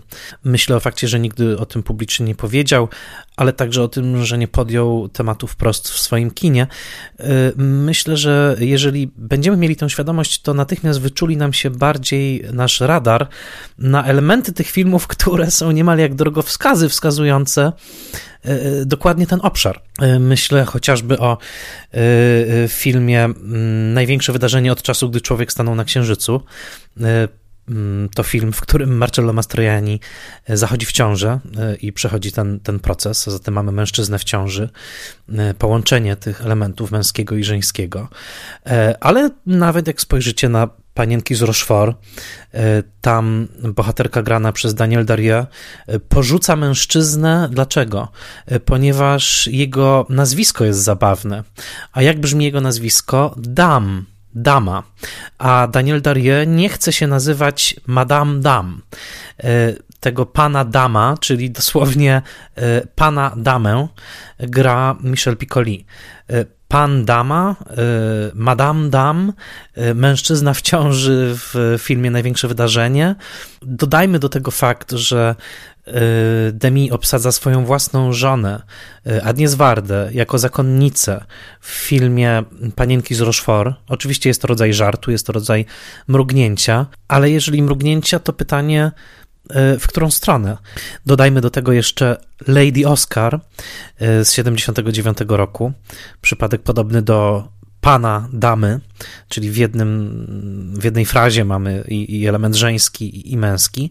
Y, I, I, będzie tego całkiem, całkiem sporo, więc wydaje mi się, że uświadomienie sobie tego komponentu pokazuje ciągłą grę tych właśnie y, tych przeciwieństw płciowych i jednocześnie próbę ich pożenienia. Monsieur Dame, Lady Oscar, wiele innych tropów Mastrojani w ciąży, to, to, to na pewno jest tutaj płodny e, teren do dalszego badania e, wrażliwości i tożsamości Żaka, Żaka Demiego. To jest coś, co jest bardzo, bardzo swoiste dla tego reżysera i w tym świetle nawet obejrzana Lola nagle nabiera innego charakteru, ponieważ wydaje mi się, że Demi rozumiał tak samo dobrze e, tą zakochaną Lolę, która czeka na swojego Michela, i rozumiał tak samo dobrze tego Michela, który pod koniec przyjeżdża, który pokazuje jej, prawda, zobacz, jest, dorobiłem się, jestem mężczyzną, na jakiego zasługujesz. Warda w wielu wywiadach mówiła, że Demi mm, był bardzo skonfliktowany wewnętrznie, także politycznie, że z jednej strony w tym okresie, kiedy ona przeżywała taki okres bardzo dużego zaangażowania na rzecz prawa, praw kobiet, na rzecz y, y, prawa aborcyjnego w we Francji, że Demi z jednej strony wspierał ją w tym, nakręcił nawet satyrę, w której Marcello Mastroianni zachodzi w ciążę i tam wprost jest powiedziane, że gdyby to mężczyźni zachodzili w ciążę, to aborcja by była dozwolona na żądanie.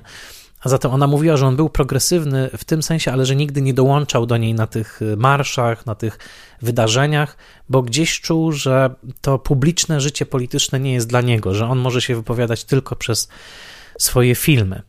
I tutaj odwołam się do tego filmu R, o którym powiedziałem na początek. Właśnie tym, do tego filmu, w którym on najpełniej wyraził tą swoją bardziej konserwatywną, purytańską stronę.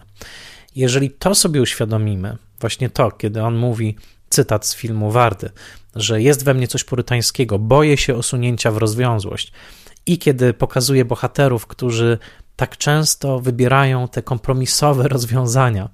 E, kompromisowe, ale jednocześnie stabilne. To znaczy rozwiązanie na przykład parasolek Szerburga, w którym mamy w sumie dwa małżeństwa bez namiętności, ale jednocześnie mamy dwa małżeństwa, które są jakoś stabilne, które dają właśnie poczucie bezpieczeństwa. To wydaje mi się, że to wszystko gdzieś także rzutuje na samego Demiego, którym najwyraźniej targały bardzo sprzeczne, bardzo mocne namiętności i który zapisał w swoich filmach w tych filmach, które myślę, że kiedy zwłaszcza dzisiaj obejrzycie e, Panienki z Rochefort, no nikt nie nazwałby ich, ich klasyką kina heteroseksualnego, tak to powiem. Queerowa wrażliwość, pewna właśnie e, e, wrażliwość wykraczająca poza typowe heteroseksualne musicale. Tam jest po prostu w, w każdym kadrze obecna. Wydaje mi się, że Demi w bardzo, bardzo zawoalowany, piękny, głęboki, bolesny sposób zapisał to wewnętrzny konflikt swojej tożsamości w tej, wydawałoby się, najle, najbardziej lekkiej ze wszystkich form artystycznych, jaką jest komedia muzyczna, i zrobił to bardzo po francusku, zrobił to bardzo po swojemu. Nigdy nie przestał być tym chłopcem z Brytanii, nigdy nie przestał być tym Kubą z Nantes i naprawdę przepisał reguły filmowego spektaklu po swojemu, żeby wyrazić tą ambiwalencję, którą odczuwał przez całe życie, a jednocześnie trzeba o tym powiedzieć, że był człowiekiem takiego ciepła, takiej radości, że wszyscy jego współpracownicy podkreślali przyjemność współpracy z nim i to ciepło tej osobowości. Tak jak ciepło osobowości Loli w filmie e, z Anuk Eme promieniuje z tych filmów. To są filmy tworzone przez człowieka wewnętrznie rozdartego, ale nie są to filmy tworzone przez człowieka nieszczęśliwego. Wydaje mi się, że także ten balans, który odnalazł w relacji z Agnies Wardą, paradoksalny, e, bo przecież mm, mm, tak o czym świadczą jej późniejsze wypowiedzi, wymagający dużej tolerancji z obydwu stron, zrozumienia dla obydwu wrażliwości, dla obydwu tożsamości, ale że ten balans, który z nią odnalazł, być może jest jednym z najpiękniejszych w ogóle, jeżeli chodzi o takie związki w świecie kina, ponieważ ma się wrażenie, że Anies Warda ze swoim ogromnym otwarciem na Jacques Demiego i Jacques Demi ze swoim ogromnym otwarciem na Anies Wardę stworzyli rodzaj pary idealnej. Chciałoby się wręcz powiedzieć, że Jacques Demi i Agnes Warda są jak bohaterowie jakiegoś bardzo, bardzo pięknego filmowego musicalu. Pamiętając o tej kropli purytańskiej i pamiętając o religijnym wychowaniu Demiego, można zresztą zapytać, czy parasolki z Szerburga nie nawiązują przynajmniej częściowo, podświadomie, głęboko podświadomie do e, porządku mszy katolickiej, która opiera się na tym, że ludzie do siebie śpiewają, ponieważ jest to jedyne miejsce w rzeczywistości, poza sceną muzyczną, w którym e, następują pytania i odpowiedzi wyśpiewywane od e, jednej strony do drugiej. To odważna interpretacja, ale wydaje mi się, że Demi, wychowany także na śpiewie kościelnym, yy, dokonuje swoistej sakralizacji melodramatu, właśnie przesycając parasolki z Szerburga ciągłym śpiewem, ciągłą melorecytacją. Na pewno jest to gest, który czyni ten świat tym bardziej niezwykłym, tym bardziej świętym. Nie jest to gest u Demiego neutralny. Co ciekawe, i tutaj otworzę mały nawias dotyczący polskiej recepcji parasolek Szerburga, te zachwyty międzynarodowe, kaneńsko-oskarowe nie przełożyły się na zachwyty polskiej krytyki filmowej. Jeżeli otworzymy e, pisma takie jak film czy kino na początku roku 1966, bo dopiero wtedy ten film trafił na polskie ekrany, e, przeczytamy głównie e, krytyków i krytyczki, którzy deklarują swój absmak, swoje właśnie zniesmaczenie nagrodą kaneńską dla tak banalnego melodramatu, jakim są parasolki z Szerburga. No niestety, polska krytyka filmowa przez bardzo długi czas pozostawała dosyć głucha na kwestie formalne, E, właściwie o tym, jak ten film wygląda, jaka jest relacja między jego treścią a formą, w tych recenzjach nie przeczytamy. Jest tylko wzruszenie ramion inteligenckiego odbiorcy, który mówi, że no to przecież zwyczajny melodramat. E, zacytuję fragmenty. E, na łamach filmu, z, to jest numer szósty z roku 66, Joanna Guze, pisząc stylizowane parasolki, tak się nazywa ta recenzja, pisze tak: Pragnienie poezji i znaleziona poezja to dwie różne sprawy. Być może forma parasolek zbyt jest wątła, jak na taki zamiar. Może też film który realizuje jedynie założenia formalne, bo Demi daje nam do zrozumienia w sposób niedwuznaczny, że treść filmu się nie liczy, jest nie do pomyślenia, przynajmniej w skali parasolek, to znaczy takiej, gdy formy nie dopełnia jakaś myśl nadrzędna, jakaś koncepcja filozoficzna, zasadniczej wagi, na przykład w filmie tak doskonałym formalnie, jak zeszłego roku w Marienbadzie. A zatem ta powaga filozoficzna Alana René e, zostaje przeciwstawiona frywolności filmu, w którym rzekomo treść nie ma znaczenia, znaczenia. Oczywiście treść ma ogromne znaczenie także w parasolkach i jej interesujące pożenienie z formą jest istotą tego filmu. Na łamach kina, i to numer trzeci z roku 66, Mieczysław e, Walasek e, pisał E, pisał tak. Parasolki opowiadają banalną i płytką historię miłości mieszczańskiego Romea i takiej Julii. To w ogóle nie ma nawet wspomnienia o tym, że Guy jest mechanikiem samochodowym i aż takim mieszczaninem nie jest. E, to melodramat przesycony ponad miarę sentymentalizmem, spotęgowanym jeszcze przez cukierkowe kolory a la Belle Époque, mieszczański stosunek do życia, cały film jest krytyką też tego mieszczańskiego stosunku do życia e, i zajmujący, żenujący wprost konformizm twórców odnoszą tu pełen E, triumf. Z tego, że młodzi najpierw się pokochali, potem ona zaszła w ciążę, a on wyjechał na wojaczkę do Algierii, a gdy wrócił, to ukochana była już żoną innego, bogatego jubilera, który podreperował finanse mamusinego e, sklepu z parasolkami, więc i on się ożenił, spłodził następnie dziecię, a gdy spotkał dawną miłość, oboje nic by sobie nie mieli do powiedzenia, byli już obcy, otóż z tego nie wynika nic ponadto, że w życiu tak bywa. Jak na dzieło ambitne, niewiele.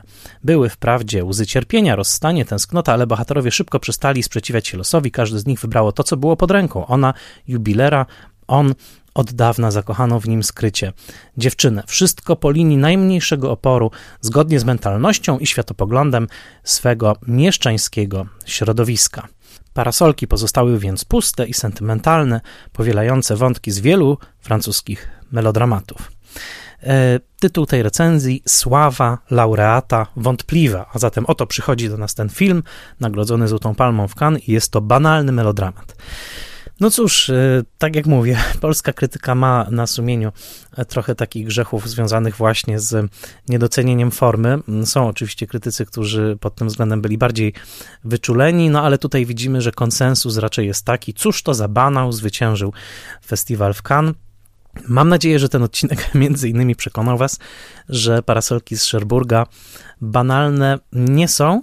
E, dodam także, że e, jest to film, który może być traktowany jako koniec pewnej epoki, ponieważ tak jak w maju 1964 roku odbierał on Złotą Palmę, tak w lipcu roku 1964 w Londynie premierę miał już The Beatles, czyli Hard Day's Night, pierwszy film z Beatlesami.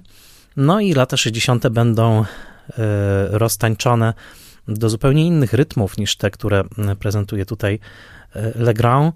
E, to jest ostatni wielki musical, można powiedzieć, przedrock'n'rollowy, przed taką wielką rewolucją w gustach muzycznych, także o tym też należy pamiętać. Na początku tego odcinka podkreśliłem mocno, że nikt nie powtórzył wyczynu Demiego. Pamiętajmy jednak, że niektórzy twórcy zbliżali się do tego wyczynu, a przynajmniej próbowali nawiązać do tej lirycznej, sennej atmosfery parasolek z Sherburga. Na pewno warto tu wymienić Francisa Forda Coppola i jego film One from the Heart, ten od serca z 1982 roku, czyli można powiedzieć parasolki z Las Vegas, gdyby tam kiedykolwiek padał deszcz. Tutaj odsyłam do odcinka o Ojcu Chrzestnym 3. E, tam mówię więcej o tym filmie. I oczywiście no, jest jeden film, który jawnie nawiązał do Demiego, który wręcz ściągał z Demiego. Pewnie Demi e, uśmiechał się gdzieś ze światów. Myślę o filmie La La Land z 2016 roku. Musical Damiena Chazela był jawnym hołdem dla twórczości Demiego i nawet jeżeli Demiemu samemu nie udało się zrealizować swojego majstersztyku w LA, o czym marzył, e, bo uwielbiał to miasto, uwielbiał zresztą w ogóle nad, nad, nadmorskie miasta, Sherbrooke, Nicea, Rochefort, Los Angeles, to Damian Chazelle nakręcił La La Land, e, który jest przeniknięty nie, nie mogę powiedzieć, że jest przeniknięty duchem Demiego, bo moim zdaniem to tam się po prostu nie udało, ale jest przeniknięty chęcią naśladowania Demiego. O, myślę, że na taką frazę się mogę zgodzić. A zatem może jeszcze w przyszłości kolejni naśladowcy, uczniowie, uczennice się znajdą.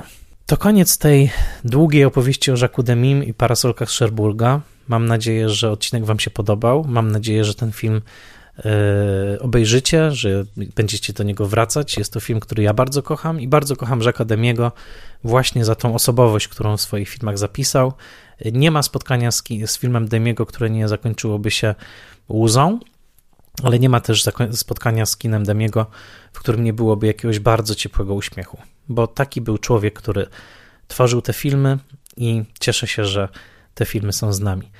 Polecam Wam spotkania z kinem Demiego. Bardzo dziękuję Wam za słuchanie.